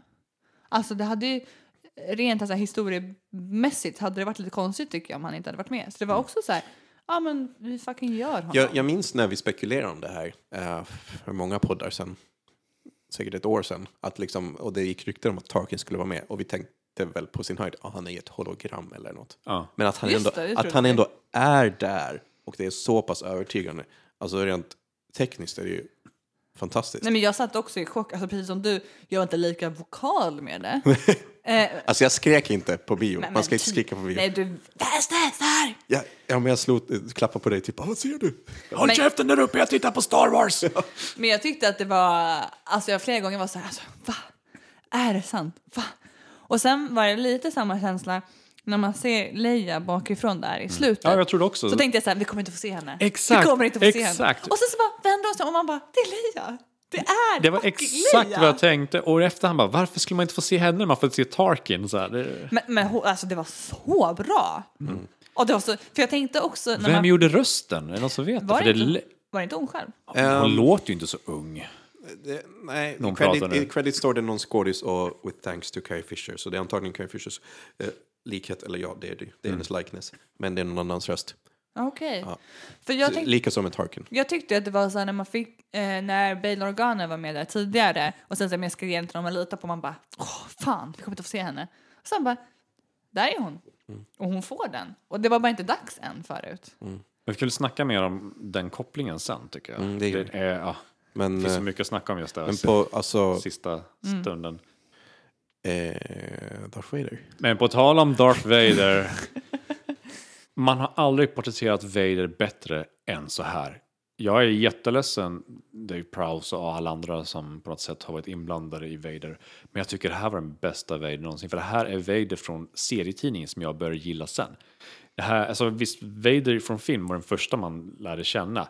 Men ju mer man började läsa serierna och så fick man en helt annan bild av honom och började känna varför inte filmerna så här? Varför är han inte så här ond som han är i filmerna? Han var fan sjukt ond. Men här fångar de det. Och de fångar det så jävla bra. Ja, alltså, Och jag gillar, förlåt, jag, måste, jag gillar också att eh, mm, man hade kunnat göra mycket mer, men jag gillar att han inte var med så mycket. Att det var liksom så här. Jag har velat ha lite till. Nej, jag gillar- lite till. jag vet att du vill ha lite. till. Jag gillar att det inte var för mycket. Jag, hade, jag, jag tror att det hade kunnat störa mig om det var, mycket, om det var för mycket i Vader. Jag gillar att han fick vara den här otäcka jävla karaktären. Ja, Riktigt och, och otäck. sättet som det kom, alltså filmen var ju färdig där egentligen. Men sen här bara, här får ni en scen. Vi vet att Ja, ni du vill ha om det. slutet. Ja, exakt. Vi inte börja presentera hur man presenterades. Vi fick egentligen svar på vem som var i Bakta-tanken, som vi har Ja, spekulerat. det var många spekulationer i onödan där. Ja, alltså vi pratade ju om vem det var som var där och bugade inför Vader. Ja. Eh, Det var en snubbe. det var en dude. Det var inget viktigt. Nej. Varför, varför trodde vi att det skulle vara så jävla viktigt? Han har ett namn. Jag ska kolla, Men eh, jag kan kolla upp det. Vader i Bakta-tanken gillar jag också hur de presenterar honom. För att det är väl typ riktigt första gången man får se honom utan dräkten, om man inte räknar med utan hjälm i Empire Strikes Back när han sitter och mediterar. Och jag gillar ändå, man såg det, han såg ju biffig ut och han såg, så här, han såg farlig ut. Bara på att man Jag tycker bara inte man fick se. Jag såg fan inte så mycket. Jag tyckte det gav en helt annan bild av honom, för det är klart som fan att han inte alltid kan gå runt i sin läderdräkt hela tiden. Eh, det, det skulle ju lukta. Mm. Alltså, han måste ju på något sätt vara utan kläderna och sin rustning också någon gång. Och det tyckte jag var så... Vad gör man då? Ja, då badar man. Men typ, det kändes som en bra presentation att han satt där och... eh, Var det på Mustafar han var på? Det känns var ju det som var Mustafar. intressant. Ja, det Varenda planet vi var på fick namnet stod på med i bilden, Mm. men inte den här. Är det så? Ja, Jag bara trodde att det var Mustafa. det också. måste ju vara Det Mustafa. kändes som Mustafar. Ja, och det är också en diskussion vi hade i, i vår interna chatt. Så här. Varför vill man bygga ett hus där man dog? Men du tyckte att han byggde ett hus där han föddes. Ja, eh, det vad jag, jag, jag såg någon läcka ur någon så här source-bok, eller någon bildlexikon. Mm. Eh, det är kejsaren som har placerat eh, hans slott där. För att, Darth, för att det, Darth Vader ska må dåligt. Where you died you shall rise. Ändå coolt att Darth Vader har ett slott, för det är också en sån här gammal Expanded Universe-grej som har dykt upp lite här Mm. och där. Och nu bara, Vad heter den? Fort Nox. i serien? Nej, men ba Fort... Bast Castle. Ja. Bast Men, Castle. jag, eh, ah, jag känner att det var lite jobbigt. Jag, jag, jag känner så här. Det, det, det var för mycket Dracula i Transylvanien. Vibbar. Alltså, nej, nej. Nej, Varför skulle... Nej, men jag förstår Jag förstår inte. Varför skulle han bo i ett jävla slott? Var ska han annars bo? På någon jävla skepp. Han måste väl åka runt i hela galaxen och sköta sina Men han måste väl få vila någon gång? Även Varför? sjömän har ju Han hem. får väl inte vila. Han har inget val. Nej, alltså, eh, Han har väl fritid? Nej. Han har Han- ingen jävla lektimme på dagis. Nej, men han vill bada lite ibland, ta det lite lugnt. Nej, han får fan inte det. Jag tycker att det var töntigt. Men ja, alltså, i allt annat, när allting annat är så kopplat till någonting så kändes väl den här delen lite apart, möjligtvis, och lite oförklarad. Men också så här, Varför? En mörk planet och här är ett ominous castle where there lives a vampire. Jag menar, Darth Vader bor där. Nej, fan alltså. Det är ju den onda trollkarlens torn. Jag köper det. Nej. Jag tycker, jag tycker det är stämningsfullt. Klart han ska ha ett hus. Men vad fan, om Och då ska han, ska, ska kejsaren- han, ska han ha en enplansvilla eller vad hade du tänkt? Men vad fan, om kejsaren man, bor i, eh, vadå, lägenhet i stan? men det här kanske... Han bor i Jedi-templet. Han bor i Jedi-templet i stan. Varför skulle inte då Darth Vader bo i Jedi-templet det i här stan? kanske är sommarstugan. Han kanske har flera hus. Nej. Jo, han kanske har flera hus. Om det är någon som ska bo i ett jävla slott så ska det väl vara kejsaren? men han han bor i större slott. Han bor i ett jättestort slott. Men Bor han där själv eller? Han har väl fruar? jag vet inte. Nej, jag tyckte att det var töntigt. Jag tyckte det var jättetöntigt. Mm. Jag förstår att det är kul eh, detalj, men jag tycker att det förstörde lite. Jag tycker att han ska vara den här eh, militärledaren. Men, även militärer har ju hem. Han kan ju inte åka runt i skeppet hela dagen. Men det här han var måste ju ju- längta hem till någonting. Men grejen är, han är ju inte militärledare vid det här laget. Han är en, vad resten av imperiet upplever honom som, en jobbig typ som kommer och bestämmer lite nu och då. Han är inte militär. Det är i typ episod 5 som man får militärbefäl och sånt där. I fyran också, så han, han liksom, när Tarkin säger åt honom att hålla käften så håller han käften. Liksom. Och alltså, det är ju också en risk att bo på skepp, för skepp blir ju nedskjutna och exploderar och grejer också. Men han klart. ska bo i stan. Alltså jag tycker... Man kanske inte trivs bland folk. Vad heter den där... Don't look at my face, I'm a monster, du vet, hela den där grejen. Vad, vad heter han jävla knark? Pablo Escobar. Eh, jag tycker att det här var lite som att Pablo Escobar satt i ett eget litet fängelse som han har byggt själv och chillar lite där. Jag tyckte det var töntigt. Jämför du, tycker du att Vader är en knarklangare, höll jag på att säga? Ja. Okej. Nej, jag tycker, jag vet inte. Jag tyckte bara att det var en konstig del av filmen. Jag, jag, jag tycker lite som Kristoffer sa tidigare, att de, hela filmen var så jordad. Varför ska han bo i sitt kråkslott? Han var som riddar Kato liksom. Varför inte? Varför? För att han förtjänar ett stort hus. Men, Vad har han åstadkommit? Ah, ja, vi kanske ska... vad har han åstadkommit? Han har typ precis dödat eh, alltså kejsarens st- största alltså, fiender. Alla jedis dog. Han rensade ju. Han gör ju ut en massa bra grejer. Alltså för kejsaren då vill jag bara poängtera. Det är inte för rent objektivt. Ja. Okej, men vi måste gå vidare. Vi har inte all tid i världen som eh, Darth Vader har i sitt eh, chillslott. Ehm, va, hur skulle ni säga att så här, nu när man har sett Rogue One, man har sett hur allting gick till. Hur tycker ni att det förändrar eh, synen på A New Hope? Det problemet som A New Hope har är ju att allting känns väldigt ytligt beskrivet. Rebellbasen och imperiet och sånt där. Och liksom, så. Det fixar ju den här filmen. Eh, Rätt och slätt, den bara fixar det. Och sånt här som att varför anfaller rebellerna med så himla lite skepp liksom? Och för att de tappar just nyss hälften, eller liksom allt annat. De har inget mer och sånt där. Så jag tycker att den förhöjer A New Hope. Det finns ju en grej som slog mig just nu, det är att i och med den här filmen så har man ju kortat ner tidsperioden mellan filmerna. För att de flesta filmerna har ju några år mellan varje, eller minst ett år, men i alla fall en lång tid mellan varje film. Vilket gör att Rogue One och New Hope-glappet känns kanske max en timme eller någonting. Ja, en timme. Någonting. Lätt. Så på något sätt blir det så närgånget, vilket jag tycker också Rogue One fixar jäkligt bra, just de här sista tio minuterna. Ska, Ja, det var alltså, ska vi prata om de sista tio minuterna? Ja, för jag tycker det var så snyggt hur det liksom med stegrande intensitet kommer närmare och närmare. närmare. Och Nu är, när, Darth, när, som vi pratade om förut, när Darth Vader liksom eh, ljussablar sig igenom den här korridoren med stackars människor som bara slaktas. Alltså det är så snyggt. Man bara, shit, nu är det så nära, nu är det liksom nästan där. Nu är det liksom, oh, man, hur, vad ska du hinna göra? Även om man vet att de kommer undan med planerna så blev jag nervös. Jag har varit skitnervös. Var Jag bara, Jag vill kasta Ja, ut dem! blev Kasta stressad. ut Ja, dem! Vad fan håller du i dem för? Det är ju en glipa mellan dörren och väggen! Ja!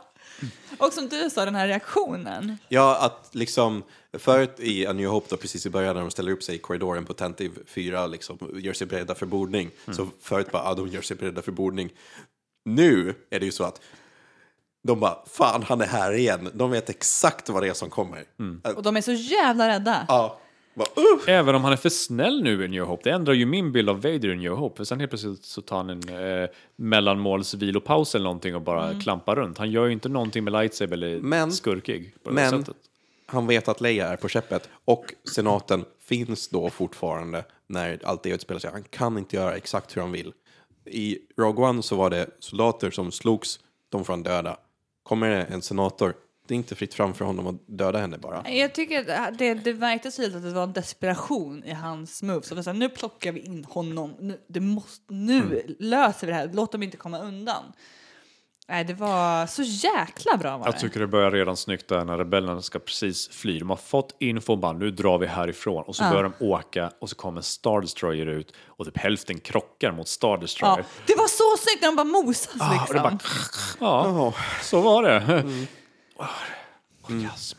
Ja. Men jag tycker tyvärr att eh, New kommer Hope nog kommer kännas ganska futtig efter den här liksom storslag, alltså så jäkla, nej, nej, jag, jag har Men fan det, knappt ord för men det finns ju en förklaring till varför det är så futtigt, varför kommer så få käppanfall? För Nej, jag att de menar har att- inget mer. Jag menar inte det, jag menar hela känslan av liksom det skitiga, det kriget, allt det känns mycket mer nedtonat nu. Mm. Jag har problem, som jag tänkte, jag, om man ska gå tillbaka till Vader så har jag ju problem med att han gick runt i ena korridoren, han gick bärsärk.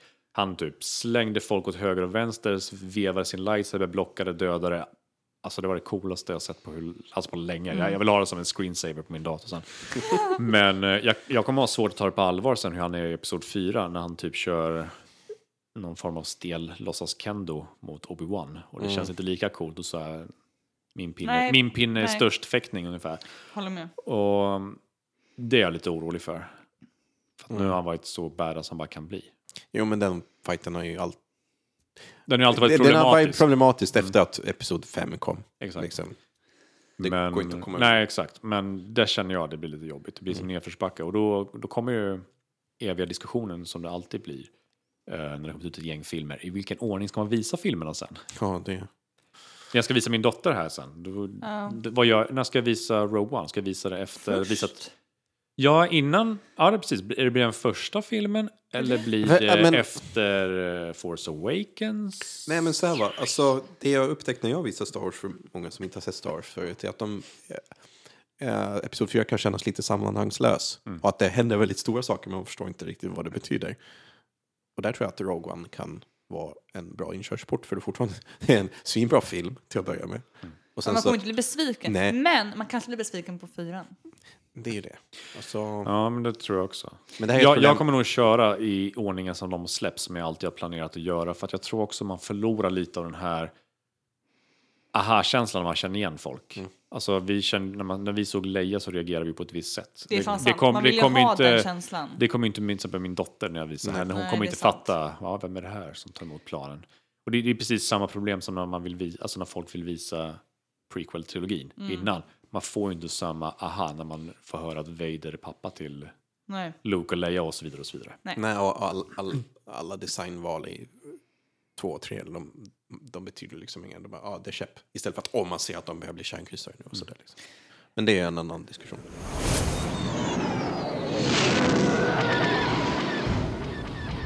Ja, jag tänker att vi faktiskt ska gå in på läsarfrågan nu. Om det så ska, för den hänger ihop med Rogue One, så vi tar lite annat efter det. Eh, och tyvärr har namnet på eh, vår kära lyssnare, kanske man ska säga, eh, fallit bort. Men tack så mycket för din fråga.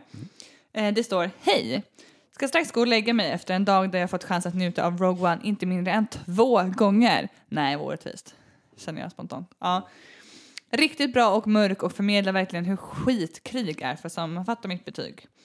Känner dock att jag saknade en hel del scener som varit i teaser och trailer 1. Inte för att jag tror att det blivit bättre med dem i sig, men det är ändå intressant. Jag tänker främst på scenen I Rebel-dialogen när Jin får sitt uppdrag ifrån Mon Mothma. Även avslutningen i trailern när Jin hamnar face to face med en TIE fighter. Det hade varit spännande att höra er diskutera kring det här i podden. May the force be with you and keep up the good work. Har aldrig varit en härligare tid att vara Star Wars-fan. Vi håller självklart med. Ja. Ja. Men det här är en superintressant grej som Ja. ju eh, Kristoffer sa till mig i alla fall direkt efter vi eh, kom ut från bion i stort sett. Ja, vi har diskuterat det i vår chatt som tusan. Alltså, kolla trail, första trailern till Rogue One. Teaser-trailern alltså. Ja, det är, det är den här scenen med baktatanken och någon som bugar som är med i filmen. Ja, alltså, Det är inget annat. det känns ju som mycket, det som jag, jag vill ju dra en brasklapp på mig själv, det jag har klagat på när hon säger yes, äh, har inte ens varit med. Det var inte ens med i filmen. Nej. Det var borta. Men hon är, helt, hon är en helt annan attityd i filmen än vad man får i, uh, i trailersna. Ja, exakt. Och där, det, som sagt, där, I rebel, that's what I do, bla bla. Liksom, det, när den scenen utspelar sig i filmen, hon är inte ens nära på att vara beredd att börja rebella någonting där. Det är liksom helt annat. Och, ja. Och jag, jag kan köpa att man klipper bort små scener eller använder en annan tagning eller liknande grejer. Ibland ser man ju sådana också, att det, så här, ja, men det ser inte riktigt ut som den tagningen, men det är liknande händelse. Jag håller med som, som insändaren skrev om att just den här sista grejen med TIE fighten, den Ja. såg jag fram emot. Och jag minns att jag såg, kände igen när hon gick där ute Ja, med den jag här bron. med. Ja, men och jag kommer tänkte, ja nu kommer TIE fighten. Ja. Och sen hände ingenting. Nej. Och sen glömde jag bort det på samma sekund, för det blev Jag så med. mycket annat som hände. Men efteråt kom jag ihåg, vad fan hände med TIE fighten? För jag minns när jag såg trailern så var det en av de här Det var en storslagen Det var en scen. grej som peppade mig och bara kände, shit, vem, vad är det som händer? Typ så här, vem är det som kör TIE fighten? Hur kommer hon komma undan det här? Och jag gick också och väntade på dels scenen när Krennic går i vattnet, ja, kom inte heller. Ja, just det, ja. Pondusmanteln kom aldrig. Pondusmannen kom aldrig, och scenen när de är tillfångatagna och går i bojor. På gatan i Ja. Jeddah. Inte med. Nej, Nej. jag tänkte också på den. Mycket märkligt. Och det är jätteintressant, för man får nästan känslan av att upplägget var annorlunda från början. Och eh, med tanke på de här reshoots som vi har diskuterat förut, som skulle ändra tonen. Nu vet jag inte hur mycket ton de ändrade, men kan det bara vara så att den gjorde saker lite mer tillspetsade och spännande med reshoots? Ja, för det känns inte som att de blev plojig filmen. Det var det jag var rädd för. Nej, för jag- alltså, jag hade velat, vadå, varför skulle det bli bättre, alltså, tillspetsat och Nej men alltså bara rent dramaturgiskt, att vi ändrar på lite saker här. Typ, I andra men- trailers så är Juno springer på stranden under fighten och en massa sånt. Då är det, det här är ju ren spekulation, men då Mm. tycker jag att då har de ju gjort ett fel med TIE Fighter-grejen. För att jag känner hela den scenen när hon trycker på knappen och Krennic kommer upp och blir skjuten. Den kände jag var antiklimax, så det kändes verkligen bara, Mm. Mm. jaha, det hände inget särskilt där. Och i mitt huvud så, för jag gissar när jag såg TIE Fighter eh, scenen att det skulle vara någonstans där runt i slutet, att det skulle vara en avgörande grej. Har de tagit bort TIE Fighter konfrontation för att hon bara ska gå och trycka på en knapp och och, och rabbla med Krennic och berätta hela planen. Varför gör hon det? För tänk om Krennic överlever och hon inte gör Ja, det. det tänkte jag var korkat också. Och hon bara sitter och avslöjar bara, vi har hittat eh, ett hål i Det dödsstjärnan. var jättekonstigt. Varför skulle hon säga det? Det var- Vem var- säger det? varför, ska- hon säger ju inte det till publiken, för vi vet ju om det. Ja, Varför är hon tvungen att säga till honom? Hur, hur som helst, det- för att komma till poängen, det känns ju som att det var en miss att ta bort TIE Fighter, för den kändes som att den skulle ge, alltså jag har inte sett den, det är spekulation, men det känns som att den hade tillfört något lite extra där.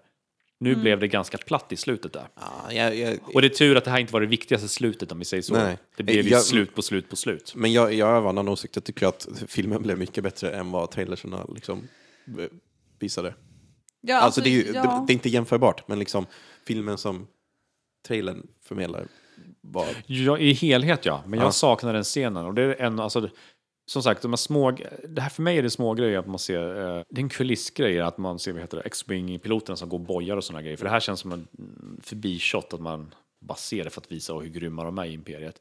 Men TIE fighter som svävar och siktar på en, det känns som en större scen. Det känns ju inte som någonting som bara är förbifarten. Vadå, den svävar ju inte upp och sen svävar bort. Typ. Alltså det känns som Nej. någonting mer skulle hända. Men det är... Men, men, men alltså vänta lite, den här tunnelbanescenen, den var inte heller med va? Jo, de sprang bitar där, men det var typ inte, det kändes de inte sprang, som på men i trailern. trailern springer de med stormtroopers och allting sånt. Ja, det var Ja, det okej. ju värsta det jakten typ. Mm. Men jag- jag, var ju som sagt orolig för de här reshootsen, att de bara nu ska vi göra det plojigt. Och jag hade ju sett fram emot att det inte skulle vara det. Mm. Ja, det var ju helt onödan. Jag kan mycket väl tänka mig att de gjorde det jobbigare. Ja, vad fan var det En- de reshootade? Alltså, Men Vad? Ja, jag, jag tror att det var den här scenen bland annat i slutet. De tog bort TIE fighter-grejen och gjorde mycket enklare. Men ändå, de här scenerna som är i första trailern, de anspelar ju på något större liksom. Där är det de här rebellfångarna på Jeddah. Det var inte några rebell, alltså alliansrebeller på Jeddah överhuvudtaget i Ja. filmen. Så på något sätt måste det ju ha varit ett ganska annorlunda upplägg, tänker jag mig. Ehm, och det är ju intressant. Mm. det kan ju vara ett eller- rebelluppdrag som gick snett där, för att de hade ju så mycket, alltså de hade ju en Star Destroyer och grejer, så det kan ju Ja. vara en liten flotta som pajade och så blev han fångatagen. Eller så, det kan man ju tänka att, visst är det en grej nu för tiden? Att man filmar trailerspecifika scener för filmtrailers. Som inte nödvändigtvis ens, det finns en tanke om att de ska vara med i filmen.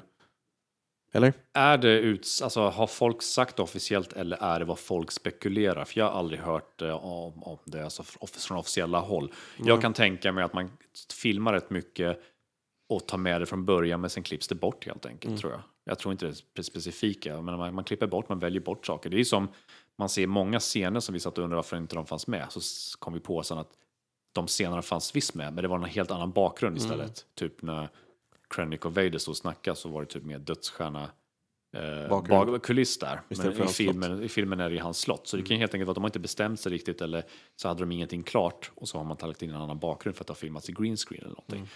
Så det är Men- mycket sånt också. Jo, men det bäddar i alla fall för att det kan komma rätt många deleted scenes på Ja. Blu-ray-releasen. Ja, och jag kände att den här oron jag hade när jag såg trailern där man fick veta ganska mycket om Mads karaktär, vad han hade för roll. Ja, det var ju ointressant efter två sekunder i filmen. Alltså det gjorde ju ingenting att man hade sett det. Det påverkade ju inte handlingen överhuvudtaget. Man visste ju redan om det direkt. Ja. Men jag, jag tänker att vi måste benämna, eller Kristoffer måste berätta lite.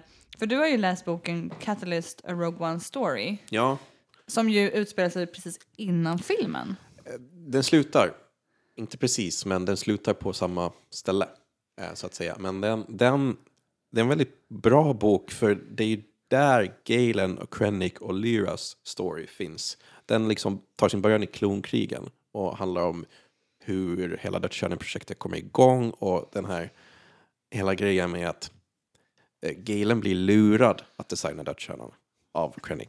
Galen tror att han eh, håller på med fri energi till hela galaxen medan Krennic bara lurar honom hela tiden. Och eh, där så var ju början på filmen väldigt spännande för mig eftersom att den, eh, den tog vid ungefär där var boken slutade. Och där blev ju också eh, Lyras död en större tra- tragedi än vad det var för er antagligen. För att eh, i boken så är det också Lyra som är, det är hon som är rebellen där. Det är hon som visar för Galen att hörru, du håller på att bli lurad här. Du håller på att göra någonting jättedåligt. Vi måste sticka. Det är hon som fixar så att de får en tillflyktsort och allting sånt där. Och det är eh, hon som har hand om Gin. Eh, mycket går ut på att Galen försummar Gin och sådär. Och så hela en början växte jättemycket av att jag hade läst boken i förväg. Men hade inte det rent berättartekniskt kunnat vara så att Lyra hade fått dö i boken och inte varit en karaktär i filmen? Hade inte hon kunnat det vara hade, en extra det hade karaktär? inte varit logiskt att hon dog i boken. Men sen, just de få replikerna Krennic och hon har i filmen, de är också så här, perfekt återspegling av hur eh, det är i boken. De avskyr varandra. Och, men Krennic upplever bara att hon är vägen. Liksom. Bara, Ja, nu är du här och ställer till igen. Och där också så blir det i, i slutet på Rogue One, det var så tillfredsställande för den som har läst boken där, när Krennic frågar Vem är du till Jyn? För genomgående i hela boken så är det att Galen och, de, och Krennic och Lyra umgås. Men han lägger liksom aldrig märke till att Jyn är där. Hon är bara ett barn, bara hej hej typ. Men det liksom poängteras att han aldrig lägger märke till henne. Så där var det väldigt snyggt, just att bara, vem är du? Vem är du? Vad håller du på med liksom? Så du tycker att den gav ändå någonting att ha läst den innan man såg filmen? Absolut, absolut. Vet inte hur engagerande än att läsa efteråt. Efter att man sett filmen. Nej. Som en uppvärmning till filmen. Mm. Så där, jag menar, ja. Och där etableras just allt det där att liksom killen är svindålig på att ljuga och allting sånt där som poängteras i filmen och sånt där. Så jag tycker eh, det är en bra bok att läsa i förväg. Alltså, Men inte så mycket mm, att, värd att läsa så här i efterhand. det är mycket världsbyggande och så, men liksom, så jo, om man är intresserad, läs den absolut. Men, men det, början av filmen tjänade väldigt mycket på att ha läst den boken i förväg. För där liksom, Lyra tar kontakt med Så och bara, kan du fixa till flyktort? Och så, så bara, jag fixar och sådär. Här har du eh, chips och du kan kontakta mig om någonting händer. Och filmen börjar med att, hej, någonting händer, jag kommer. Liksom sådär. Väl, ja, det var mm, nice. Jag vill ändå fortfarande hävda lite som i så här Titanic dörrscenen i slutet så här. There was room for one more. Hon hade kunnat krypa ner i den där stenhålan. Men hon var så trött på den här skiten också. Var hon trött på sitt barn? Kanske inte orkar fly längre. Men, men jag förstår att det kanske finns en större poäng i det om man har förstått hennes bakgrundshistoria. Men för oss som inte har sett henne förut var hon ju väldigt Jo, jo, absolut. konstig det, typ det, av karaktär. Det förstår jag. Det förstår jag. Ja, men jag kan hålla med, jag tyckte också det var lite konstigt att hon bara gick och riktade pistol allt- det helt var plötsligt. jätteonödigt. För man, man förstod inte hennes motivation till att göra det liksom. Mm. Jag kan gissa, jag kände väl på något sätt att hon inte gillade honom. Att de hade, det kändes lite där som att de hade någon konflikt sen innan. Att de, att de inte gick ihop, det kändes ju. Men jag tyckte nog att det var en onödig risk. För jag menar, hon står ju ändå där med Stormtroopers. Jag menar, vad tror hon ska göra om hon skjuter Krennic? Vad tror hon att Stormtroopers bara... Uh, Okej, ja, vi lägger väl ner våra vapen här då. Alltså, Nej, nej, alltså- det blir ju dumt på något sätt. Det blir korkat. Ja, och man förstår ju den grejen om man har bakgrundshistorien men inte annars. Men ja, okej. Även med bakgrundshistorien så är det lite konstigt. Du har rätt, hon skulle kunna sticka med Jin. Vill hon inte ta hand om sitt barn? Ja, men hon kanske inte agerar helt. Liksom, nej. Men eh, nu har vi verkligen brutit ner den här filmen i små atomer. Vad, vad tycker ni om filmen? Alltså så här, sammanfattningsvis, nu har vi ju gått igenom bit för bit, men vad tycker ni om den i stort? Alltså, jag, när jag gick ut från biosalongen, älskade jag den. Och sen där under dagen kom det upp, fan liksom, äh, var den bra? Var det bara en massa fanservice? Och, ah, jag vet inte, jag vet inte, jag vet inte. Men nu när jag tänkt på det, det må vara fanservice och det må vara liksom en massa saker jag känner igen och jag kanske bara är ett dumt köpt fan. Men fy fan vad jag gillar den här filmen. Alltså, mm. Den var riktigt bra, tycker jag. Uh, vi har väl beslutat att inte ge betyg till det här. Jag kan väl säga varför sen. Men, ehm, för när jag såg den här, jag kommer ihåg också att jag var väldigt lyrisk och kände fy fan vad bra. Men jag vet att jag ofta så kan smälta en film eh, senare på dagen eller dagen efter och ändra uppfattning. Och det gjorde jag. Jag började gå hem och började tänka, analysera sönder saker och ting. Jag började störa mig på det här med karaktärerna som jag pratat om idag.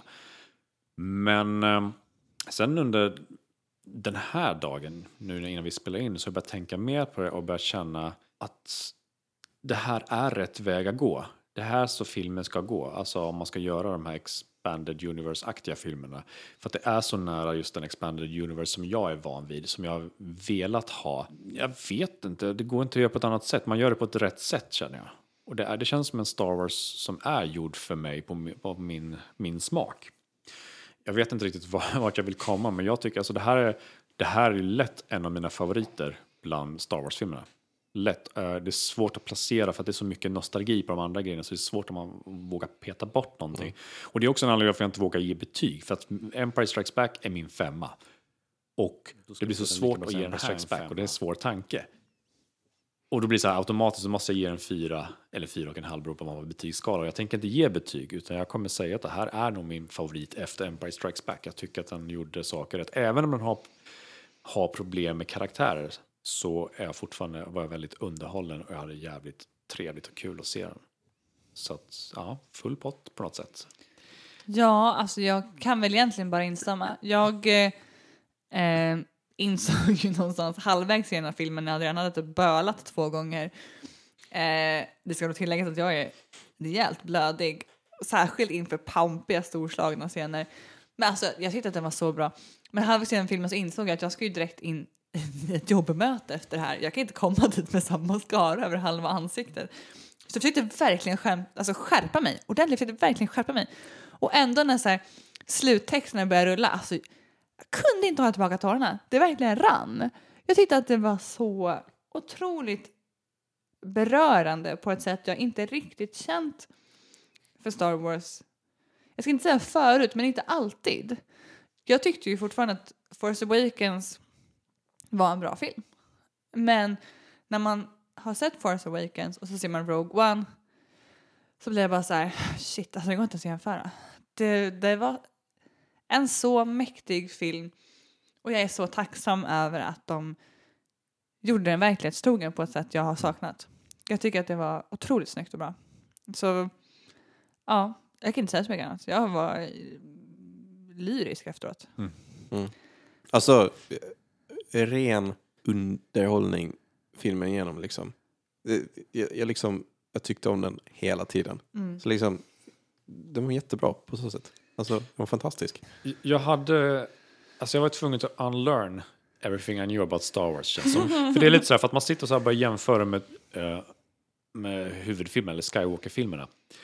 Och man måste nog på sätt bortse från det och känna så här, nej men det ska bort, det måste inte vara uppbyggt på det här sättet. För det var det jag hade problem med, det här kändes inte som en Star Wars-film, det här är mitt största problem. Det här känns inte som en Star Wars-film, varför gör inte det? Och då, då insåg jag att det handlar bara om att jag är van vid en annan uppbyggnad. Och när jag kunde bortse från det, det var då jag började uppskatta filmen och började känna nej, det här är en helt annan typ av film, men det är fortfarande Star Wars. Och det var då jag började känna, men det är någonting som är bekant och då började jag rota tillbaka i serietidningar och började känna, ja men de har, de har studerat där, de har studerat EU-världen. Och jag har sagt det förr, jag kommer sä- säkert säga det igen, men jag gillar att det var en kvinnlig huvudroll. Jag tycker att det var skitbra. Vad sa du? att? Att det var en kvinna i huvudrollen. Alltså, det må ha klagat i vissa fankretsar kretsar på detta. Ja. Men... Eh, Två jag- filmer av sex filmer. hur kan de ha en Åtta. till kvinna? Åtta. Vi är åtta filmer nu. Ja, men det är två filmer som har Ja. kvinnliga huvudroller utav sex, alltså som har män. Ja, Ja. Det blev konstigt sagt, men Ja, jag tycker att det var... Jag kommer inte gå in på det mer, men jag tycker att det var suveränt. Mm. Men hörni, vi måste faktiskt börja avrunda. It's been a pleasure as always ja. att få prata. Pr- prata. Platta Star Wars. Star Wars. Star Wars! Ja, Okej, avslutande fråga. Ska du gå och se den en gång till den kommande veckan? svaret är ehm, nej. nej. nej. Vill du se den den kommande Jag, alltså, jag vill se den igen, men jag vet inte om jag kan, för det är lite svårt när man har ett barn som man inte Jo, kan. jag förstår. Det blir, Men- men det blir du att jag gå men hem. du- Ja, du vill. absolut. Jag vill ju se. Mm, Det ville jag på Force Awakens också, men det blev aldrig av. Det blev en gång på bio. Du då inte? Jag tror fan det. Ja, jag var med. Vi kanske går och ser den tillsammans. Jag vet inte. Kanske. Ja. Du kanske får titta i en annan del av salongen så du inte håller på att störa hela tiden. Ja, men jag, Eller hur? Ja. Käfta bort där, kolla på Star Wars! Är det du, Kristoffer? jag kommer aldrig uppleva Tarkin, Kristoffer! shh! Tarkin-upplevelsen igen. Ni vet att han är där, men det var fantastiskt när det hände. Det var kul att få vara delaktig i denna Ja. upplevelse. Um, eh, hörni, vi måste faktiskt avrunda. Det här har varit ett fint samtal, men det är dags för oss att eh, gå vidare ut i galaxen och sköta våra jobb. Eh, tack så hemskt mycket för att ni lyssnar på Rebellradion. Glöm inte att skriva till oss. Vi finns på rebellradion snabel-a starwars.se, på Facebook på Rebellradion och sen på @rebellradion på Instagram och på Twitter. Skriv till oss, hör av er jättegärna, ställ frågor. Vi älskar när ni hör av er. Skicka teckningar. Skicka teckningar. Ja, Den har vi inte haft förut. Nej, den har vi inte haft. Nej. Den är rolig. Det är bra initiativ Daniel. Skicka teckningar. Eh, och om ni lyssnar på oss på iTunes, passa på att ge oss en femstjärna i betyg. Please, vi förtjänar det. För att ni gillar oss eller för... eh, Vi bryr oss inte varför, bara gör det. Men eh, dags för oss att säga hej då och vi ses inte förrän nästa år. Just det. Det är alltid kul när man kan säga det. Ja. Hoppas ni får massa roliga Star Wars-presenter i, i julklapp. Ja, det finns hela tio stycken olika leksaker med Gene Erso om ni vill köpa det till era barn. Jag har kollat upp det. eh, men hörni, säger vi hej då nu? Ja, det gör vi. Hej då på er! Hej då.